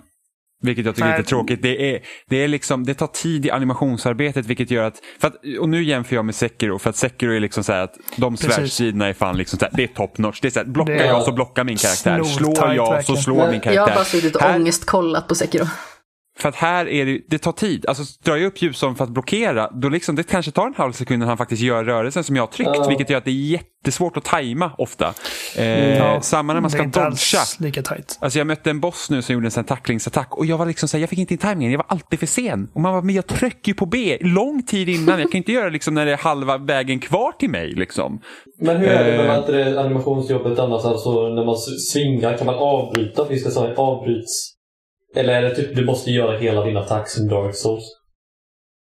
Jag vet Eh. inte, så det är inte lika långsamma attacker som i Dark Souls, Nej. så jag vet inte riktigt om man hinner göra så att om Nej, du trycker på man- X och sen så gör han något annat. Alltså det, Jag har Eh. aldrig känt, det är annat ifall man faktiskt gör en väldigt tung attack så kan det väl vara att man, man faktiskt fastnar i animationen. ja, det Eh, finns ju en... Men vanliga svärdsving är väldigt snabba. Jag har aldrig känt att jag behöver cancella dem. Nu spelar jag ju Nej. på Playstation 4 och ni har väl spelat på Xbox gissar jag. Men om vi tar till exempel, eh, trycker man på fyrkant så är det ju liksom den vanliga klassiska attacken väl? Ja. Eh, Ja. Men sedan så har vi ju trekant. Och då blir det en liksom hårdare attack som är svingad över huvudet. Och jag tror Mm. att den är lite mer liksom fördröjd, den tar ganska lång tid. Ja, det är ju liksom som att ljussabeln liksom väger sätta- 70-11 kilo liksom. Men då måste man liksom vänta tills den animationen är klar Ja. innan man... Ja, jag tror inte att man kan Ja, jag, jag har inte försökt den. Jag vet inte. cancella den tror jag För inte. de, för de är inte, alltså ibland känns det inte så, just för att det tar tid att göra vissa grejer så inte allt, känns det inte användbart. Och sen när det liksom Y-attacken så då är heavy, eller har trekant om man spelar på PS4, så den tar force power. Vilket också Mm. är så att då, du begränsas lite för att då är det så att man använder X mest för att jag vill inte slösa force på den här grejen till exempel. Mm. Jag gillar ju att stanna mina motståndare. Gärna, så att eh, de liksom blir helt still och så kan man gå fram och fäktas lite på dem. Jag älskar att dra dem till mig och, köra svärdet i bröstet på dem med en one hit kill. Det är så jävla gött. Eh, Det är ju det viktigaste tycker jag i Star Wars-spel. De som har lyckats med det bra har ju ändå varit roliga. Till exempel hur, hur The Force Power känns liksom. Ja, alltså kraften känns ju bra i det här spelet. Ja. Det får man ju absolut det. säga. Inte lika kul som i Force Unleashed för att det är lite Jag har inte roligare spelat. Force Unleashed. Men Alltså, det är eh, sjukt roligt i Force Unleashed. Men det är det alltså- enda som är bra i det spelet Alltså jag. speciellt när man spelade på Wii som jag gjorde då. För då använde man sin Okej. nunchuck till att strypa folk. Då, då, då tog man upp så här nunchucken och så tryckte man in Z och så vred man på den så knäckte man nacken på dem. men Det usch. Det var skitkul. Det, mm, Ja, Force jag kan ändå tänka mig att det kan vara kul med Wiimote och Ja, det var faktiskt jättebra på Wii. Alltså striderna var kul. Ja, Väldigt over the top. Man liksom drar ner Star Destroyers från himlen och jo. man, man typ alltså, det, det, det är en helt annan typ av spel också. Det är ju mer som de gamla God of War-spelen medan detta är mer som Sekiro. Att, jo. alltså du, du håller inne Y-knappen i Force Unleashed och du elar ett helt rum fullt av stormtroopers och de har Ah, inte en så kul. chans liksom. Men Jag här är det mer metodiskt. jag tycker att Dark Souls-elementen i spelet inte gör några tjänster. Alltså det här med att man liksom dör man så hamnar man tillbaka vid en så här, om en typ bonfire fast det är så här, vad heter det, mediteringsplats. man blir förbannad. Eh, och så spanar alla fiender tillbaka och så här ska man resta så spanar alla fiender tillbaka. Och det är så att, alltså jag tycker inte att det ger spelet någonting. Det var där egentligen. jag faktiskt drog ner svårighetsgraden på ett sånt moment. För att då var det liksom jättelångt till nästa meditationsplats. Eh, det var egentligen inte så här svåra motståndare på vägen, utan det var mer så här att det var många motståndare på vägen. Och sen så eftersom striderna också är lite buggiga så de sitter inte riktigt som ett smäck vilket gör att ibland säger att om jag orkar inte möta i de här eller den här liksom Mm. typ lite svårare fienden som jag vet att jag måste ta här så jag kommer fastna på ett litet tag. Det känns bara Men det är också väldigt märkligt för om man trillar ut för ett stup till exempel och inte blir mulad av en motståndare. Då kommer man ju tillbaka liksom på den plattform man ser stort på. Mm. Mm. Det skulle det vara så du- hela du- tiden tycker jag. För du dör ja men jag hade nog också föredragit liksom att det är checkpoints innan ett rum till exempel. Eh, För Mm. att jag, jag känner inte att, liksom att, så här, att, att jag ska springa tillbaka till den här platsen. Speciellt inte om man säger att jag vill bara utforska. Mm. Då tycker jag att det liksom det tar lite från upplevelsen. Ja, men liksom när jag har sprungit igenom det här partiet återigen, samma ställe. När jag har sprungit igenom den här förbannade grottan liksom sju gånger. Och jag bara så här, nej, nu kommer jag fram till den här arga geten igen, okej jag lyckas mula den och sen så kommer fler stormtroopers. Sedan så är jag på ett ställe till och sen så kommer fler stormtroopers, sedan kommer lite arga råttor och grejer. Alltså, och sedan kommer fler stormtroopers. Alltså när det håller på så och man liksom inte får någonstans liksom däremellan och framförallt just den här biten när man ska springa igenom grottan igen. Alltså, det, det gör mig bara sur. För att det bryter illusionen så himla mycket. Jag eh, känner inte igen mig i mycket av de... Förutom det du sa om Cal då, det håller jag med om helt och hållet. Han hade, men han hade gärna fått vara mer intressant och ha mer djup. Eh, men som, alltså jag tycker kartan funkar skitbra. Den är typ som rippad från Metroid Prime och det är ett av mina favoritspel. Jag avskyr kartan. för- för- för- Men den funkar bättre med Metro Prime. Jag känner mig som ett Jag har jon. spelat Metroid Prime på typ tusen år. Ja, men det, men, det, är eh, lätt, det, den, det är lättare att se i dess skift. Jag, jag har inte heller problem med kartan, men alltså den, det, och sen så kan man zooma ut mer på Metroid Prime-kartan här för mig. Kanske man kan. Eh, men som sagt, jag har inte haft några problem med kartan. Och liksom det är klart att den kartan, ifall man kollar på den, den visar inte exakt. Det finns inga waypoints liksom. Det, det finns ingenting som håller dig i handen och säger exakt vart du ska gå och vilken väg du ska gå. Utan de säger du ska hit och du får lista ut hur man tar sig dit. Och det, det, det har jag uppskattat med spelet, att jag har liksom fått gå vilse lite. Och jag, Jag har, tycker inte om att gå vilse fått- på det sättet. För det har liksom varit så här att okej, nu är jag tillbaka på samma plats för sjunde gången. Kartan, hjälp mig. Och sedan så kan det liksom vara så här att okej, jag ser bitar av kartan. Och sedan så har vi liksom ett helt tomt fält. Jaha, där borta är den här lilla rebellmärkningen liksom. Men de har ju också ett så- ett sånt system, det finns en viss liksom markör de har spelet som visar här har du inte varit förut. Så att, alltså jag har ju följt dem ganska slaviskt och liksom, alltså som sagt, gått vilse. Jag har aldrig varit vilse mer än några minuter åt gången. Och det, liksom, när jag har gått vilse så har det bara lett mig in någonstans där jag har hittat någon kul collectible eller någonting. Så det har aldrig varit ett problem för mig. Men Jimmy, du vet ju hur Eh. förbannad jag var på ett parti. Skiter den bara. Gör jag. Jag var förbannad eh, på ett parti för att det var, eh, det var liksom mot spelets endgame och jag började gå tillbaka till gamla platser för att liksom verkligen se till att jag utforskat allting. Eh, och så såg jag att det var massa oöppnade dörrar och grejer nere i det templet där man lär sig push. Mm. Eh, där man ska skydda runt så här bollar och grejer. Ja. Eh, så jag bara, och så jag tog mig, det tog mig en stund liksom att hitta tillbaka dit. För att det är liksom, eh, man tar sig inte tillbaka på samma sätt som man tog sig dit första gången. För att det är liksom skit som har rasat och grejer. Eh, men det var inga problem. Till slut kom jag ner dit. Men då var det bara att de här dörrarna som var markerade som oöppnade. De var öppnade. Så att det var liksom antingen, alltså spelet ljög för mig. Det var liksom, jag hade redan varit överallt där nere. Spelet Eh. ljög för mig. Så kränkt. Ja, ja, men antingen så är det liksom en bugg. Eller så bara jävlas de med mig. Men det... Alltså, där blir jag sur. Eh, Men du kan väl se, alltså du kan ju se om du har hittat allt per sektion också på planeterna. Alltså, jo, det kan man säkert. Men jag har tittat så noga på det. Utan jag såg bara att åh, här är en massa röda dörrar och skit som inte Ja, jag har men då, det förstår jag. Det hade, då hade nog inte jag heller kontroll, Det är liksom- kollat. Då hade jag också varit, var- där är en röd dörr.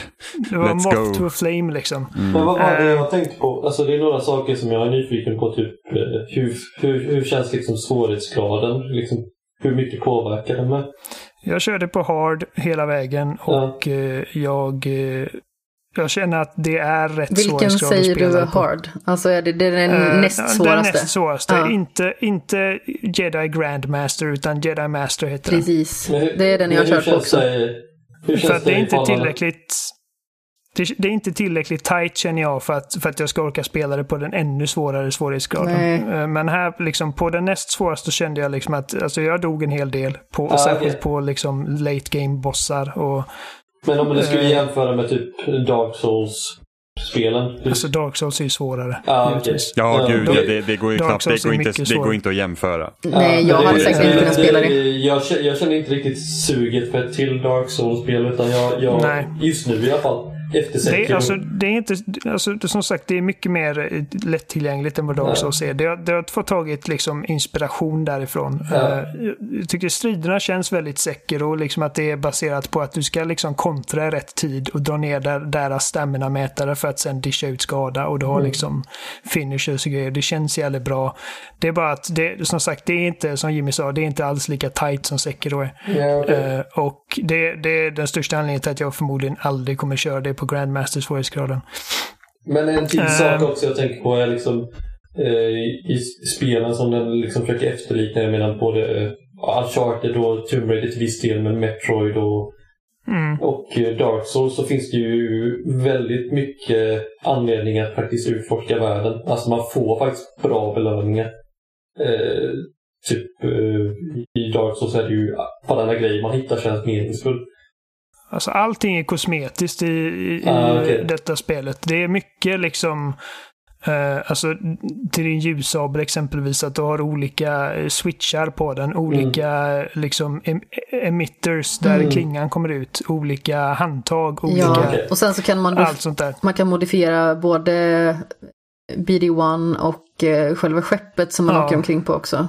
Precis. Eh, olika skins helt enkelt. Så att det är liksom, för den som inte bryr sig om kosmetiska grejer så är det inte så mycket roligt att hitta. Eh, det är liksom att du kan få någon uppgradering till ljussabeln tidigt ifall du faktiskt eh, går off the beaten path lite. Mm. Eh, och du kan hitta liksom en uppgradering till eh, din droid eh, lite tidigare än vad du behöver.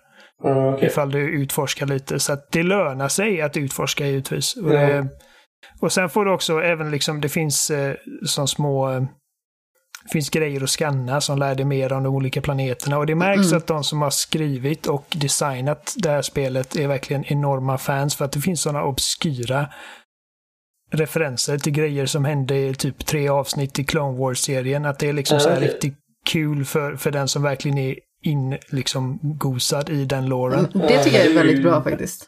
Ja, det är ju Ja, det är kul. Det är ju det man Eh, vill. Det var ju samma sak med Spider-Man tycker jag till viss del också. Fast kanske, Jo, inte på, precis. kanske inte på samma sätt, men... Nej, men jag förstår vad du menar. men- Och, det, och sen får man ju också XP för att hitta, för att Cals unika grej är att han kan röra vid saker och eh, liksom uppleva grejer Han kan som känna ekot från det förflutna med sin Ja, kraft. precis. Precis. Det hade varit kul om han det pro- bara slutade efter röda saker. Nej, men alltså som, som en grej han gör tidigt, han plockar upp en gitarr i ett skepp. Och Mm. omedelbart lär sig en låt som eh, gitarrens ägare har skrivit för några år sedan. Liksom sådana roliga grejer. Ja, det är coolt. Så att man kan hitta liksom olika grejer i, i världen och så Ja. hör man liksom ett eko ungefär som audiologgar och det får man XP för. Och liksom XP är givetvis bra för att det finns mycket coola eh, abilities och grejer att låsa upp. Ja.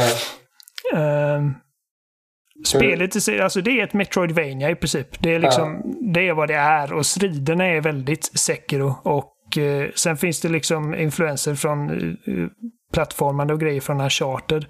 Just det här att, jag, jag vet inte riktigt, jag håller nog inte med om att han har sina ben uppstoppade fel i röven eller vad det var du sa. Jag, jag har inte upplevt Nej, att han är finicky så sätt. Eh, Jag har liksom hoppat av plattformar och grejer men det var mer liksom att oj, okej. Så i det här spelet så är det inte bara att trycka fram och trycka på A. Utan du kan faktiskt hoppa fel från de här plattformarna. Ja, men jag tycker han känns sladdrig liksom. För det är min stora kritik till Det är liksom herr spagettiben. Han är lite, alltså, ja, sladdrig kanske. Jag vet inte. Jag, jag, jag upplevde det inte riktigt så. Jag tycker det är synd att eh, eh det inte finns någon form av, eh, liksom, ska man säga, lemlästning i spelet. Ursäkta. För det, det, det, det är gott om det när du slåss mot spindlar och grejer. Du hugger av ben och, och Ja. betar och skit. Men just med människorna så, så det finns ingenting. Och jag förstår att Star Wars är liksom PG-13. Det ska inte vara massa Nej. avkapade huvuden. Men alltså någon arm här och där hade de kunnat ge mig. Det är bara så jävla tillfredsställande. Jag vet inte För mig är det inte så viktigt. så smart, smart för dem, men jag förstår det.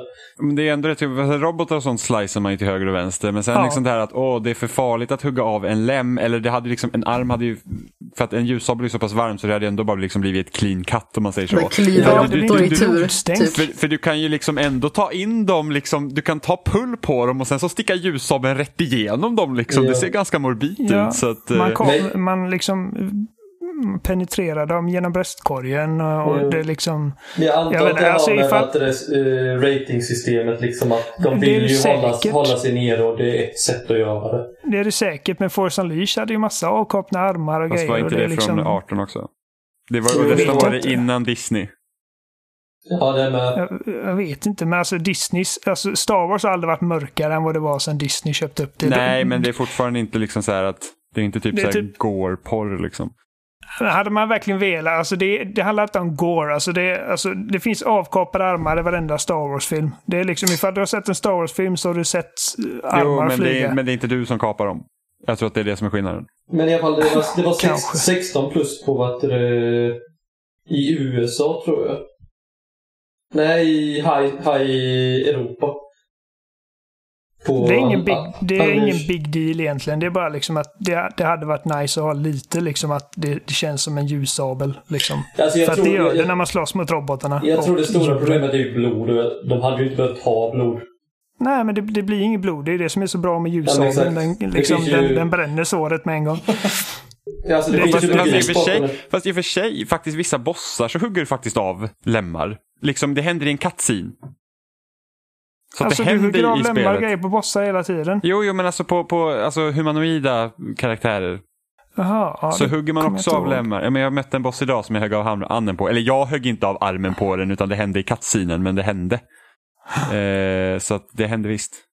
Jag bara tycker det är en konstig liksom, eh, hill att dö på så att säga. Alltså, eh, kan man inte armar som- vända på det och säga åt andra hållet också? Man kan Ja, göra men, det. det, det, är som jag säger, det är liksom inga, alltså, det är ingen, det är ingen eh, dealbreaker för mig. Det är bara så här, liksom petitess egentligen. Men det, eh, det är också...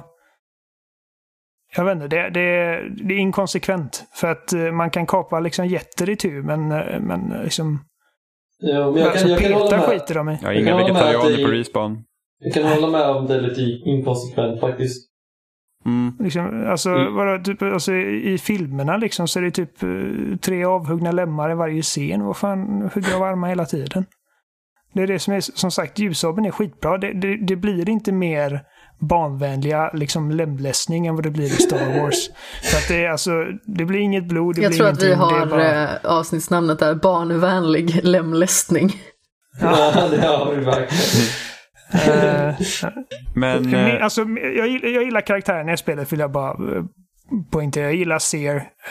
Jag tycker att hennes berättelse kunde ha presenterats lite, lite snyggare. Men jag gillar hennes bakgrund, liksom med så här fallen jedi. Alltså, och hon, hon liksom bär lite mer på de här komplicerade typ bakgrunden.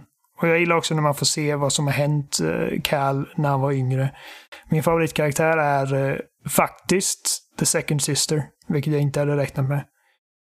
Uh, för jag tycker hon såg ganska tråkig ut i förhandsmaterialet. Nej men alltså jag tycker att uh, en grej som är väldigt bra faktiskt, det är ju när man får de här tillbakablickarna till när Cal var liten, när man får lära sig nya förmågor. Det tycker jag faktiskt är ett väldigt bra sätt att lära sig förmågor, att han liksom får flashbacks och så får man se de förmågorna, för jag köper det ändå. Även att man liksom tänker att borde inte du ha vetat det här hela tiden? Jo.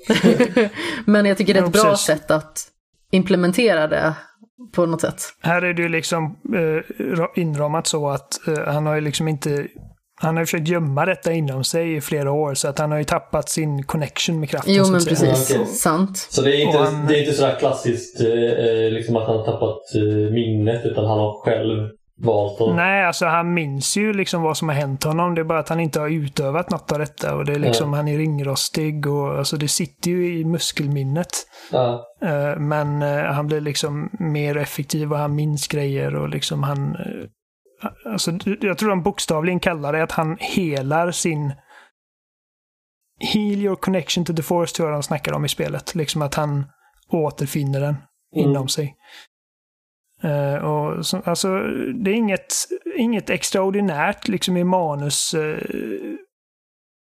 perspektiv, men det, är liksom, men det är effektivt och det är underhållande och det, det är väldigt välregisserat tycker jag. Jag tror att en stor anledning till att det är så himla tamt, alltså storymässigt också, att Cal är rätt så tråkig, är ett, de måste förhålla sig till Jedi-orden. Jedi-orden är rätt så tråkig. Alltså, det, är det är väldigt så här, åh, vi måste vara så himla snälla. För att det var ju något som vi pratade om inför The Last Jedi, var ju det att fan vad kul det är om de börjar ifrågasätta hela Jedi-orden med tanke på vart Luke hamnade. Eh, vilket de inte riktigt gjorde som vi hade hoppats på, kommer jag ihåg. Eh, men det är att Disney är med överallt i de här Star Wars-grejerna och ser till Alltså de, är- de är med och fingrar i det där så att det blir rätt eftersom allt är kanon. Vilket Ja. gör att Ja. eh, det, det, det kan säkert vara problematiskt att göra intressantare grejer. Men vad tror ni om... Eh, tror ni kommer, att de kommer få göra ett till spel? Ja, det Om- tror jag. Jag, Ja, tror, jag tror absolut att det kommer komma en uppföljare på det här för jag tror att det här kommer eh, sälja bra. Eh, Och Och jag att tänker att det kommer- sälja bra. Det, alltså, jag kan ju säga det liksom att det finns ingenting med slutet som säger att det absolut aldrig kan hända, komma en uppföljare. Nej, men förmodligen, Mm. för jag tror det är därför det heter Star Wars Jedi, för att det är liksom nya franchise-namnet, precis som Ja. Shadow of Mordor eller vad det nu är på Sagan om ringen-sidan Ja, till exempel. Men jag bara tänker mig hur det fungerar med licensieringen i och med att EA kommer väl tappa den snart eller något sånt.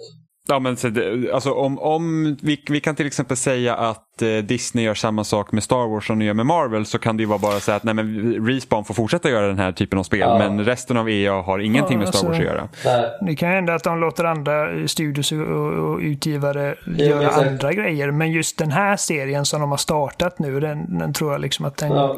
ifall de vill, får de fortsätta på. Om de inte förnyar dealen med EA heller, det vet vi inte. Alltså det hoppas jag Nej. inte.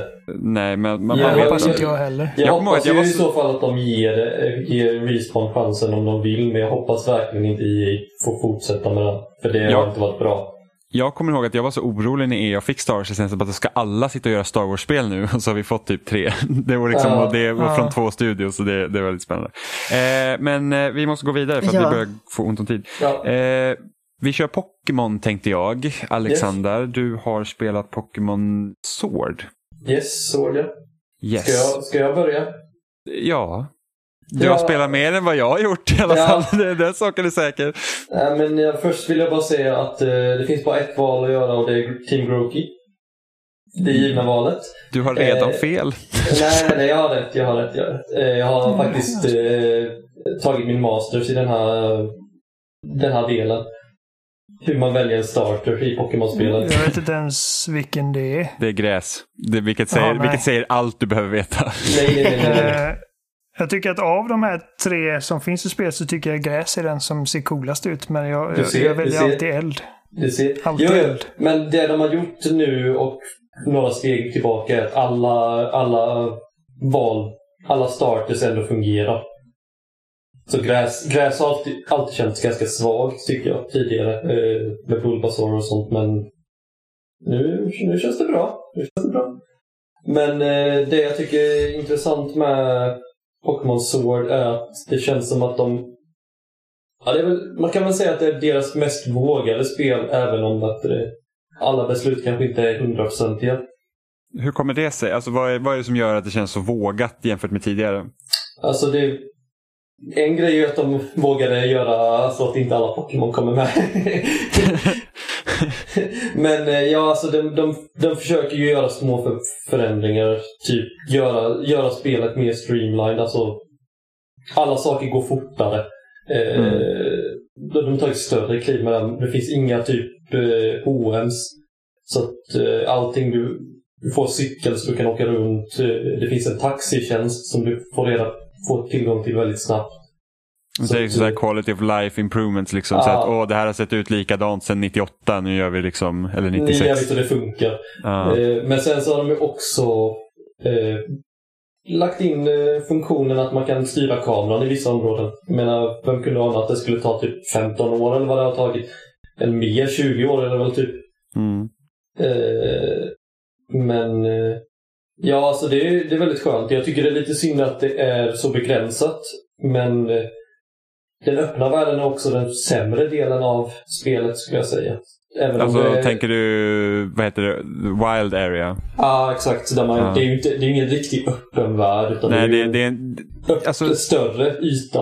Ja, för jag har varit, jag har varit precis där liksom, i princip Ja. och gått igenom så här och det Pokémon var lite starkare än vad de jag hade. Jag säger att, Ja. alltså jag, alltså, hade det här varit typ nya Safari Zone, lite intressantare grej, då hade jag tyckt det var skitkul. Liksom, Ja. då, för att du har sett, okej de här Pokémon finns bara här, det finns Ja. lite så här, det ser lite olika ut här och där. Eh, men just nu kändes det ungefär som när man kom eh, till den öppna delen i Final Fantasy 13. Man bara, här är en gigantisk Ja. gräsmatta med massa monster. Så jag bara, ja. Ja. det är inte riktigt vad jag Ja. liksom vill ha. Men också den förändringen av att de faktiskt låter starkare Pokémon vara bland svagare Pokémon. Mm. Så jag mötte ju någon level 50 när jag var typ 34 tror jag. Jesus. Och jag, jag bara shit, jag måste ju fly. Jag kan inte ta denna. Det har Ja. aldrig hänt i ett Pokémon-spel tidigare. Jag har bara liksom kunnat kötta alla Pokémon som jag möter. Eh, sen är ju kanske resten av spelet, alltså om man bara följer den linjära vägen och inte stött på de här svårare Pokémon, är ju ganska lätt. Det är nog kanske det lättaste jag har spelat. Än så länge. Det är väl lite typ när det kommer till eh, gym, gymmen, alltså själva ledarna, som det finns några utmaningar men överlag känns det bara steamroll liksom. Jag behöver inte ens byta Pokémon. Jag kan byta Pokémon, men jag behöver inte. Jag känner ju, alltså, nu, jag har ju spelat tre timmar ungefär. Så jag, jag tog precis min första gymnål. Du kör Ja. Shield. Eh, precis, jag kör Shield. Eh, för att jag ville ha den här eh, Galarian-versionen av Rapidash. Ah, givet. Eh, så att, så att det, det var typ så här, jag bara, men ska jag ta Pokémon Sword? Och sen så kom det så här, "Ja, men den här Pokémon är exklusiv till Shield. Jag bara, den där ska jag ha. Alltså den är så fin. Jag vet. Den är så Eh, fin. Men jag tycker fortfarande det känns, det här känns inte som ett, ett, ett, ett stationärt Pokémon. Det känns Nej. väldigt mycket som ett bärbart Pokémon. Eh, Ja. det är liksom när man går me- mellan de här, alltså jag tycker det är väldigt fint, jag gillar stilen på det, men det är liksom så att det här har du liksom en stig att gå på och sen har du Mm. sådana här fickor du kan typ hämta en pokéboll på. Det, Ja. det är precis som de bärbara spelen, så att det, det liksom, man har inte använt riktigt det nya formatet till sin fördel, utan det är liksom det är mer en liten utveckling av det de har gjort på 3DS. Jo, men det är, Fast på det är Switch istället. Alltså att det är det bäst vågade spelet säger kanske inte så mycket i och med att de har knappt vågat göra någonting. Nej, Det är, det är ju väldigt små steg. Alltså det var väl ganska vågat med Pokémon Black också när det kom ut och de valde att bara ha de nya Pokémonen och Ja. inga gamla. Det var ett väldigt stort steg och jag vet att många var lite... Många var ju besvikna över det men andra välkomnade det. Liksom. ja, speciellt tycker- när det öppnade upp sig efter att man var klar med storyn va? Visst var det så? Ja, alltså då kunde man föra över liksom Pokémon. Mm. Och, och fånga gamla. nya, alltså du öppnar ju upp Ja. så att de kom tillbaka i. Ja, just det. Det gjorde det också. Det är sant. Eh, Eh, Men sen hela det här konceptet med gymtränarna, där har de också utvecklat lite. Nu har ju du bara kört första gymmet och det är det absolut tråkigaste. Ja, när man men ska, så var när man så ska putta på den. Ja, det var så här, vad har det här med någonting att göra? Det Alltså, kändes det är så väldigt så här, dåligt. Ja, det var så här, vem ska ens liksom gå med på det här? Jag ska Nej. bara säga, skämtar ni med mig? Nej, men Ska det- jag det- rulla får innan jag får trä- träffa Jag liksom? Nej, men det, det blir bättre bättre. Men- det, det är inte bra den delen. Eh, men- men, jag tycker att det finns, alltså det är skönt att det finns liksom en Alltså det är lite som de gamla Pokémon när man går in i gymmet, typ när man går in i Pokémon Red och Blue, det där Psychic-gymmet. Och man måste gå igenom de här teleporterna. Det är ju Ja. liksom en, en, en ny spelgrej, spelmekanik, men just den grejen är inte så kul. Men Nej, det, för- För att där Ja. har de ju gjort, alltså det jag tycker, för att först och främst liksom storyn och sånt i Pokémon är ju ofta helt banal, har den ju varit i de senaste. Liksom man ska rädda världen och det Ja. går under och skit är liksom helt galet. Och det enda jag vill säga, jag vill bli Pokémon-mästare, det är det enda Ja. jag bryr mig om och det verkar vara fokuset här. Ja, det är Så att- definitivt fokus och- där. och Det de finns har- ju andra grejer också, men det är ju det stora fokuset. Ja, och det är skithäftigt för att de har gjort, alltså Tänk dig när man gick in i första gymmet på Gameboy. Det är så här Ja. en liten ruta och man säger bara fuck yeah, liksom, nu är jag... Och man tänker liksom, man har sett animen liksom, och kollar liksom på olika Pokémon-matcher Ja. på tv och såna här grejer. Det har de ju gjort nu. Så att nu har Ja. det, det är en stor arena med, med liksom en så här bara massiva liksom publik och de hej. Alltså det känns verkligen som att man liksom, okej det här är en sport vi utövar i princip. Ja, musiken där i, när man strider i arenan är så jävla nice. För det, man, man hör ju den här kören typ som att det är, vad det, publiken som sjunger. Men de har ju gjort det lite mer musikaktigt så det är inte, det är inte så här fotbollskör. Ja, Men, men det blir så när det blir intensivt och de, när man gör så här, eh, Dynamax och så bara kommer kören. ja.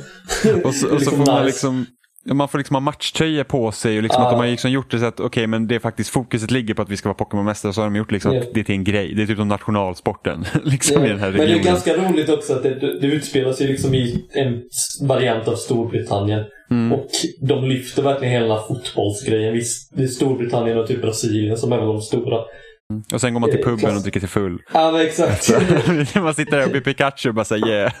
Ja. ta, lite, ta ett litet hela, järnrör. den- hela den sportifieringen kring, kring liksom eh, Pokémon känns väldigt så här, typiskt brittiskt. Liksom. Det känns ju som att istället för att jag går och kollar på Arsenal vs Tottenham så går jag liksom och kollar på Ja, äh, eller ja, nu vet jag inte, vad, vad heter han nu igen? Ja just det, det är ju skapa sitt eget namn. Alex i mitt fall Ja. möter liksom eh, Milo. Mm. Och man betalar liksom pengar för det här och så är det så här, wow det här är världens event liksom. Ja, men det är också helt sjukt. Så här, första staden med första gymmet. Det är, alltså, det är, liksom, det är gymmet i den staden, det typ tre hus. Det var liksom, Ja, ja, hela exakt. staden var involverad runt det hela gymmet. Så där, där ser man också begränsningen. Att det är liksom så här, de har inte riktigt skalat upp det. Att det Eh, blir lite bättre senare. Jag Ja, lovar, det, det, det kan jag också bättre. tänka mig. Men liksom ändå, det är så att Ja, ska, liksom, ska det här vara en stad liksom? Det, Alltså, det är, alltså städerna Det är liksom i det här he- spelet hela är stadsbudgeten riktigt gick åt till gymmet, liksom att bygga upp det Ja. arenan. Det var liksom, sen var de fattiga. Ja, men jag, tror, alltså, jag tror det är liksom det som är tanken med den första staden. Att det ska kännas väldigt så här, landsbygd med en, liksom, men de har ändå liksom en stor arena. Mm. Eh, men Helt eh, vansinnigt. Ja, det ser helt knasigt Men jag tycker städerna i det här spelet har de gjort väldigt bra. En specifik stad lite senare som är kanske den mysigaste staden i något Pokémon-spel faktiskt. Nice. Men en annan grej som också är ny i det här spelet är det att alla Pokémon är ju ute. Alltså det är inga random Ja. encounters. Jo, det är det. Eh, det finns det alltså? Ja, alltså du, det finns ju, om du går i gräset så ibland kommer det upp ett utropstecken där man inte ser någon. okej. Jag, jag trodde att jag hade gått på någon. Och var Nej, här, det, det är bara random. Och Okej, de, okej, men- de random kan vara... De, de man ser eh, är ju de, det är ju de, då vet man ju okej, de kan jag få där. Men om man får en random encounter så finns det Pokémon som man vanligtvis inte kan se där. Okej, Som man kan fånga. Så ibland kan det vara bra att gå i gräset och ta en random encounter för då får man en. Pokémon som kanske inte är så vanlig. För det missade jag i början, så jag fångade ju bara Pokémon som jag såg. Och sen så Mm. gick jag på en av de här utropstecknen. Okej, ja, men då, då måste jag också, då måste jag också bara- börja göra det. Bara, wow, men den här Pokémonen har jag ju inte sett gå någonstans. Men, men det är i alla fall men okej, många Pokémon går ut i det vilda i alla Ja. fall och det funkar lite bättre i det här spelet än vad det gjorde i Let's Go för att det var ju fortfarande så här typ att det ser exakt ut som Pokémon Röd och sen ska det liksom tränga sig typ fyra fem monster liksom på, Ja. på, på de här små gräsplättarna. Ja. Här, här känns det mer organiskt även om de borde göra, alltså de borde ta hjälp av Monolith Soft och göra nästa Pokémon så att du får liksom så här att här har vi ett ekosystem av. Pokémon och på den nivån. Men det känns ju också som att du, de har kollat lite på Monolith och försökt göra grejer men sen har de verkligen inte kommit i närheten med typ, typ det med att Pokémon, att det finns, det finns svårare Pokémon. Mm. Jo, precis. De, de men det, är, det är så här men, typiskt mono, Monolith eh, liksom, filosofi. Ja, men det finns liksom inget så pack av den här jävla Corgi-Pokémon som springer tillsammans utan de är alla liksom särskilda. Så det, är väl, det är väl kanske nästa utveckling ja. av systemet som vi kanske får se om typ tre konsolgenerationer eller någonting sånt. Uh... Alltså, det, min, min, min, det, jag, det jag hoppas på är att det här är första övergången till Switch. Liksom. Mm. Ja, det, det, är mycket möjligt att det här liksom började utveckling på 3DS. Det vet vi inte. Ja, det är min tolkning att det kan ha börjat liksom som 3DS-spel och de för har uppdaterat det så att det funkar till Switch. Ja, för att jag, jag tror att Nintendo kanske var lite återhållsamma också. Så att okej, okay, vi vet inte om Switch kommer bli en succé så att vi måste fortfarande hålla liv i 3DSen. För att ja, nu, 3DSen finns ju liksom inte längre i princip. Alltså det är liksom, jag tror inte Nintendo har ett enda nytt spel som kommer till den. Nej, men jag, och jag hoppas inte att de gör en typ Ultra Sword, Ultra Shield och så fixar de små saker och alla bara köper och de tjänar mycket pengar som helst. Eh, jag hoppas att de bara bestämmer sig för att nu fokuserar vi på att göra ett nytt Switch-spel och bara mm. kör, kör två år på det, vilket inte kommer hända men ja, det känns som att de ofta lägger så mycket tid på att fixa eh, spelen som de typ, det gjorde de ju med Sun Moon också.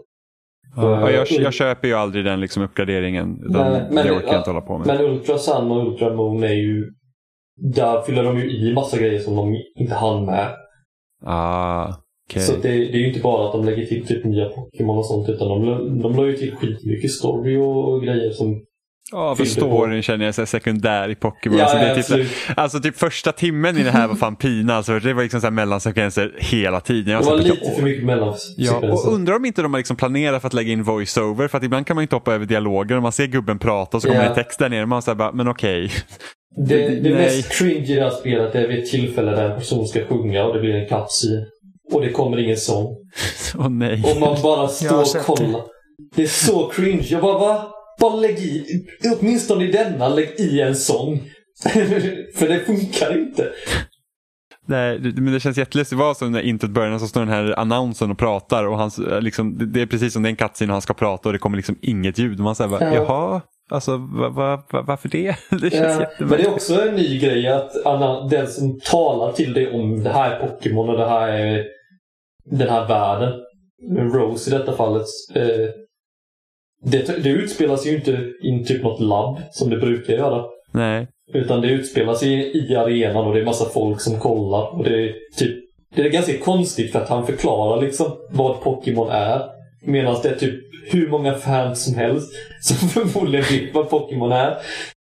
För de är ju där och kollar på matchen. det är så konstigt. Det känns så här, där, säkert händer någon så här legal team som är med där. Det här måste ni säga inför varje match. Det, det är typ så här flyganvisningar på flygplatsen. Så, så här använder man bältet. Ja, exakt. Ja. Jag tror att det som, eh, som gör att jag aldrig kommer kunna investera mig i ett Pokémon-spel igen, för att det, det har liksom inte hänt sedan Silver.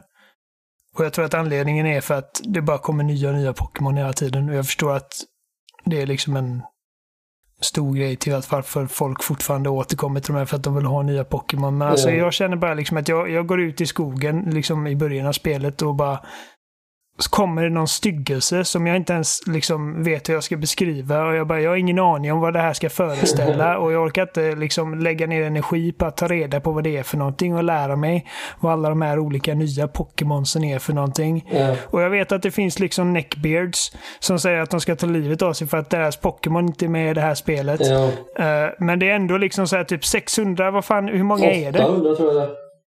Det är liksom helt orimligt och liksom jag, jag kommer aldrig orka.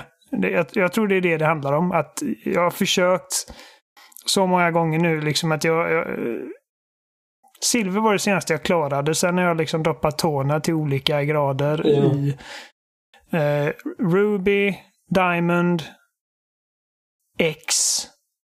Ja, det är de. Ja. Alltså... Alla andra har hoppat över och det är liksom, jag kan inte bara, det, jag kom inte in i det. Jag romantiserar ju de äldsta generationerna väldigt mycket. Alltså jag spelar ju framförallt eh, Red och Blue, eller framförallt Blue och eh, Jello jättemycket. Alltså det var helt mm, galet hur mycket jag spelat dem. Eh, och mm. sedan har jag spelat Crystal en hel del och däremellan fram till Moon har jag inte spelat något. Eh, och jag vet inte, jag tror att jag gillar de gamla generationerna så himla mycket så därför blir jag liksom inte så himla dragen till liksom så här nya Pokémon. Jag tycker inte det är spännande på något vis. Alltså, jag tyckte om Moon, jag är inte klar med Moon på långa vägar.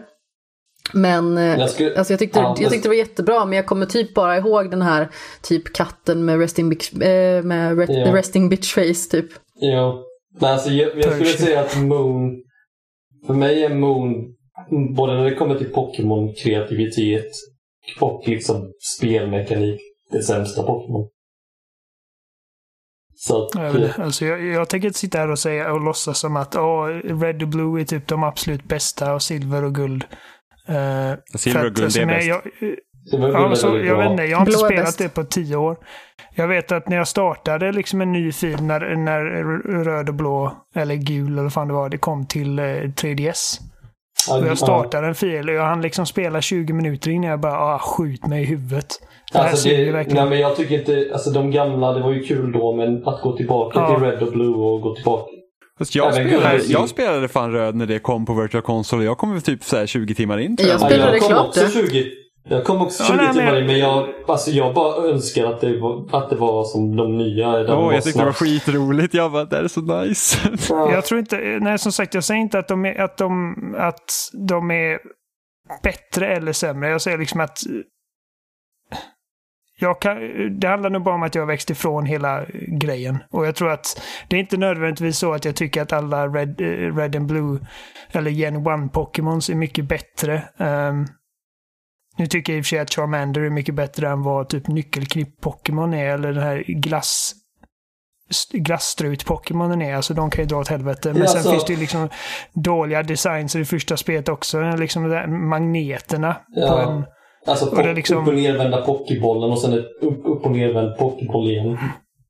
Men jag, jag har sett lite grann av de nya som kommer i, eh, som är nu i eh, Ja. Shield. Liksom, det finns en del liksom ganska liksom, okej designs här. Det är bara liksom att det är alldeles för många nu. Det, Alltså, jag jag, tycker ju Sword and Shield har väldigt bra Pokémon. Det tycker jag också. Jag känner också att det har varit väldigt hög kvalitet på alla nya Pokémon. Nu, Ja. nu, nu, nu kan inte jag särskilja exakt alla nya som kom från eh, Sword and Shield för att jag har inte liksom varit inne i Pokémon sen Diamond och Pearl så att jag har liksom koll på vilka Pokémon som okej. Men, jag, allt som är efter silver känns som nytt för mig. men man ser ju att Alltså, det finns en viss stil i de nya Pokémon så att jag tror jag, vet på ett ungefär vilka som hör till den här generationen Ja. och jag tycker att där håller kvaliteten ganska bra. Alltså, eh, Alltså de faktiskt. sämsta är ju alltid de som försöker typ efterlikna konstiga grejer som inte ens ser ut som djur. Typ. Eh, Ja. Jag vet inte om du har sett tekannan än?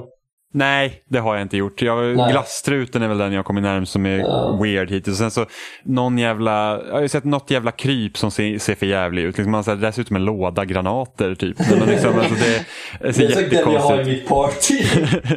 och sen, sen vet jag inte, sen tycker jag den här ena kaninen som är ny, att jag tycker inte om den formen på ögonen. Det känns liksom att Menar det sticker du ut. ekorren? Nej, inte ekorren, det finns någon kanin. Den kanske är från Sun and Moon i och för sig, jag vet inte. Ja, det kan Eh, det vara. Men det är liksom Kaninen tänker du på Nej, inte Scorbunny. Nej, inte Scorbunny. Eh, Ja, okej. den, den liksom har... Dens ögon ser inte ut att passa liksom in med resten av Pokémon. För att det liksom... Det, det ser för cartoony ut. Eh, Mm.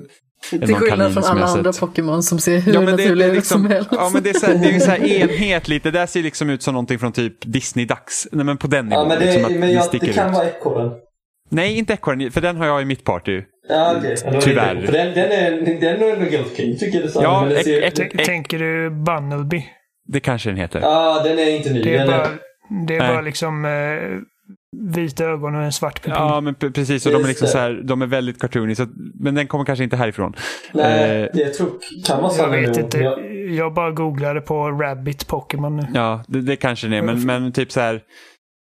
Eh, Ekorren tycker jag ser helt okej ut. Den har jag i mitt party, vilket jag inte vill ha. Men jag fångade den. Eh, den ska jag ja, byta men ut fort som fan. det är ju fin. Hallå? Men Jag tycker inte om att ha, jag vill inte ha normal Pokémon. Nej, jag hatar normal Pokémon. Jag, jag tycker, alltså har man en Pokémon som är en typ av normal, det är så här bara nej, gå bort. Eh, sen såg jag någon jävla tusenfoting som var, som var helt platt, vilket jag tyckte var, såg rätt så fräck ut. Även, Oh, äckligt. det, det kanske är den jag Mm, den Vilken är färg? äckligt fräck. Den kommer inte in i mitt party. Jag är typ Va, rädd va, för va, den. va, hur, vilken färg var det? Röd är den. Ja, men det är den. Det är min. Ja, det, det, men den är liksom så här. Alltså det jag gillar med det här spelet också det är det att när, när, en, när man möter en tränare och den skickar ut en Pokémon jag känner inte namnet, man säger jag vet inte vilken Pokémon jag ska använda nu för att jag vet inte vilken typ det här är. Det tycker jag är skitspännande. Ja. Eh, det är det jag tycker om. Alltså jag bryr mig inte om att åh, det är för mycket Pokémon, det kommer bara nya. För mig hade det gärna fått vara så att okej, men vi har 150 nya, alla gamla är liksom bortskrapade just nu. Jo. Som man gjorde i Black and White. Ja, hellre det i så fall. Ja, för jag vet inte, alltså hur trött är man inte på att gå in i en grotta och så är det bara typ Subats och Geodudes där och man bara Ja, bara, Jag är väldigt glad att jag har inte stött på en enda Subat eller Geodude. Nej, jag ho- jag hoppas de är bannlysta från de här jävla Ja, spelen. Alltså, men det är så här, man går i, hatar man säger åh, grottan innan 4, nu fan träffar vi på Subats. Man bara, fy fan. Nej, men, eh, jag tror att det hade fungerat mycket bättre för då hade man kunnat liksom släppa det gamla, eh, liksom lämna det vid dörren när man går in. För att eh, nu blir det liksom att jag är så fast i mina gamla sätt. Så fort jag ser en Pidgey så plockar jag upp den och så har jag en Pidgeot Varför och det är min Pidgey av alla? Ja, fast så, så, För att Pidgeot är den bästa fågeln. Och sen är liksom, alltså alla andra fåglar liksom ber jag dra åt helvete. Nej, alltså så jag, liksom, jag, så- sån är inte jag. För jag har alltid Alltså- varit så att, alltså man tar ju alltid den första fågeln man möter och vet man att den tar man ju. Det är liksom det, är det här spelets Pidgey. så att Ja, man jo. alltid är med den. Jag kan Men säga det- att den första fågeln man möter, det är den där konstiga typ blå och lila-aktiga. Ja, precis, den Den är jag, så precis. jävla cool. Jag vet, och dens utveckling är också nice. Jag har Ja. den nu. Så att det, Ja. det, jag tycker det, det, det, det ska bli kul att spela vidare på det här. Även om jag känner liksom att jag hade gärna haft en större för, förändring. Alltså ännu mer. Eh, men jag, tror, jag nog tror att jag ändå det kommer här är kunna... bästa förändringen som de har gjort på länge. Ja, Men alltså det är i alla fall en förändring. Det liksom känns i alla fall, det känns som Pokémon men det känns liksom som att de, de har haft ett annat fokus. Alltså när man Jo. spelar Sun och de här jävla konstiga typ Temple Trials eller vad det nu var. Det var det bara var så inte här, bra. men alltså, vad, det var vad, inte är, bra. vad är detta liksom? Inte Nej. alls kul. De, de förlorade hela det här själva alltså gymmet och Ja. hela det här styra mot andra. Där var det bara man bara gör massa konstiga grejer, typ fotografera Pokémon. Vad fan Ja. bryr mig om det? Jag vill slå den bästa. Jag vill slå pojkar och den bästa. flickor, jag måste tyvärr dra mig. Ja, men, vi okej. ska, men vi kanske ska Mm. sätta punkt här ändå. Ja. Nu Eh, pratar vi inte om Dynamax, vilket jag inte fattar varför de... Men alltså, så här, de här nya gimmicks-grejerna, typ så här, alla de här Pokémon blir stora och det finns väl så här Z-moves och sådana där Ja. grejer. Det har väl alltid varit ganska jävla tråkigt va? Varför lägger Ja, de till det det? det men det, problemet är att de ändrar namn och så gör de någon liten grej, men det är i stort sett samma sak. Ja. Och, och jag Det ser typ samma folk, sak. och folk på nätet, de bara åh de är så dåliga, de tar bort massa grejer det liksom håller inte saker med generationer. Så bara, nej men ta bort de här gimmicks-fighterna. Ja. Alltså låt det bara vara de här movesen och sånt. Inte så att jag, oj, jag liksom typ blåser upp min Pokémon till absurdum, för fan vad coolt. Det är liksom, Ja. nej, det är inte kul. Nej, för det var ju, en, en gång var det ju mega-Pokémon, så då blev de Ja, eh, till, tillfälligt extra starka, vilket är exakt samma sak som Dynamax. Ja, och så har de så här mega evolutions och grejer. Man bara, nej, men alltså, jag, vill inte, jag vill inte ha en Charizard som ser ut som han är pumpad på steroider. Liksom. Det, Nej. Nej. men det gör han. Han, han ser för jävligt ut. ja, alltså all, alla mega evolutions var skitfula. Ja. Men eh, tummar upp för Pokémon, eller hur? Ja, det, jag tycker det är det bästa sen X och Y. Vilket är inte så långt bak. Ja, det jag- jag. Jag får se om jag lyckas klara ut det, det här spelet då. För då blir det Det första sen. Diamond Pearl jag klarar ut i så fall. Men det Nej. borde jag nog kunna göra. Jag tror på det. Ja. Eh, men ja, då hade vi inget mer idag. För Nej. att det är sent nu, vi har suttit typ två timmar nästan. Ja, det är nästan där nu. Ja. Eh, men tack för att du ville vara med Alexander. Ja, det var kul. Det var skitroligt att ha dig med och prata lite Death Stranding och Star Wars och Pokémon och allt Ja. möjligt. Eh, och ni hittar oss som vanligt på spelsnack.com. Där har vi länkar till eh, sociala medier som Instagram, Twitter. Vi har en YouTube-kanal. Ni hittar oss i er favoritpodcast-app. Eh, ni kan mejla oss till kontakt.spelsnack.com eller till våra förnamn spelsnack.com. Var hittar man dig Alexander? Ja, det var antingen på loading eller så hittar man mig på Twitter. Nu måste jag bara kolla vad jag heter på Twitter. jag tror det är Satchmosax. Yes, det är det. At Satchmosax. Nice. Ja, tack igen för att du ville vara med. Ja, det var skitkul. Ja, så hörs vi nästa vecka. Ciao amigos. Hej då! Ha det Hej då. gott.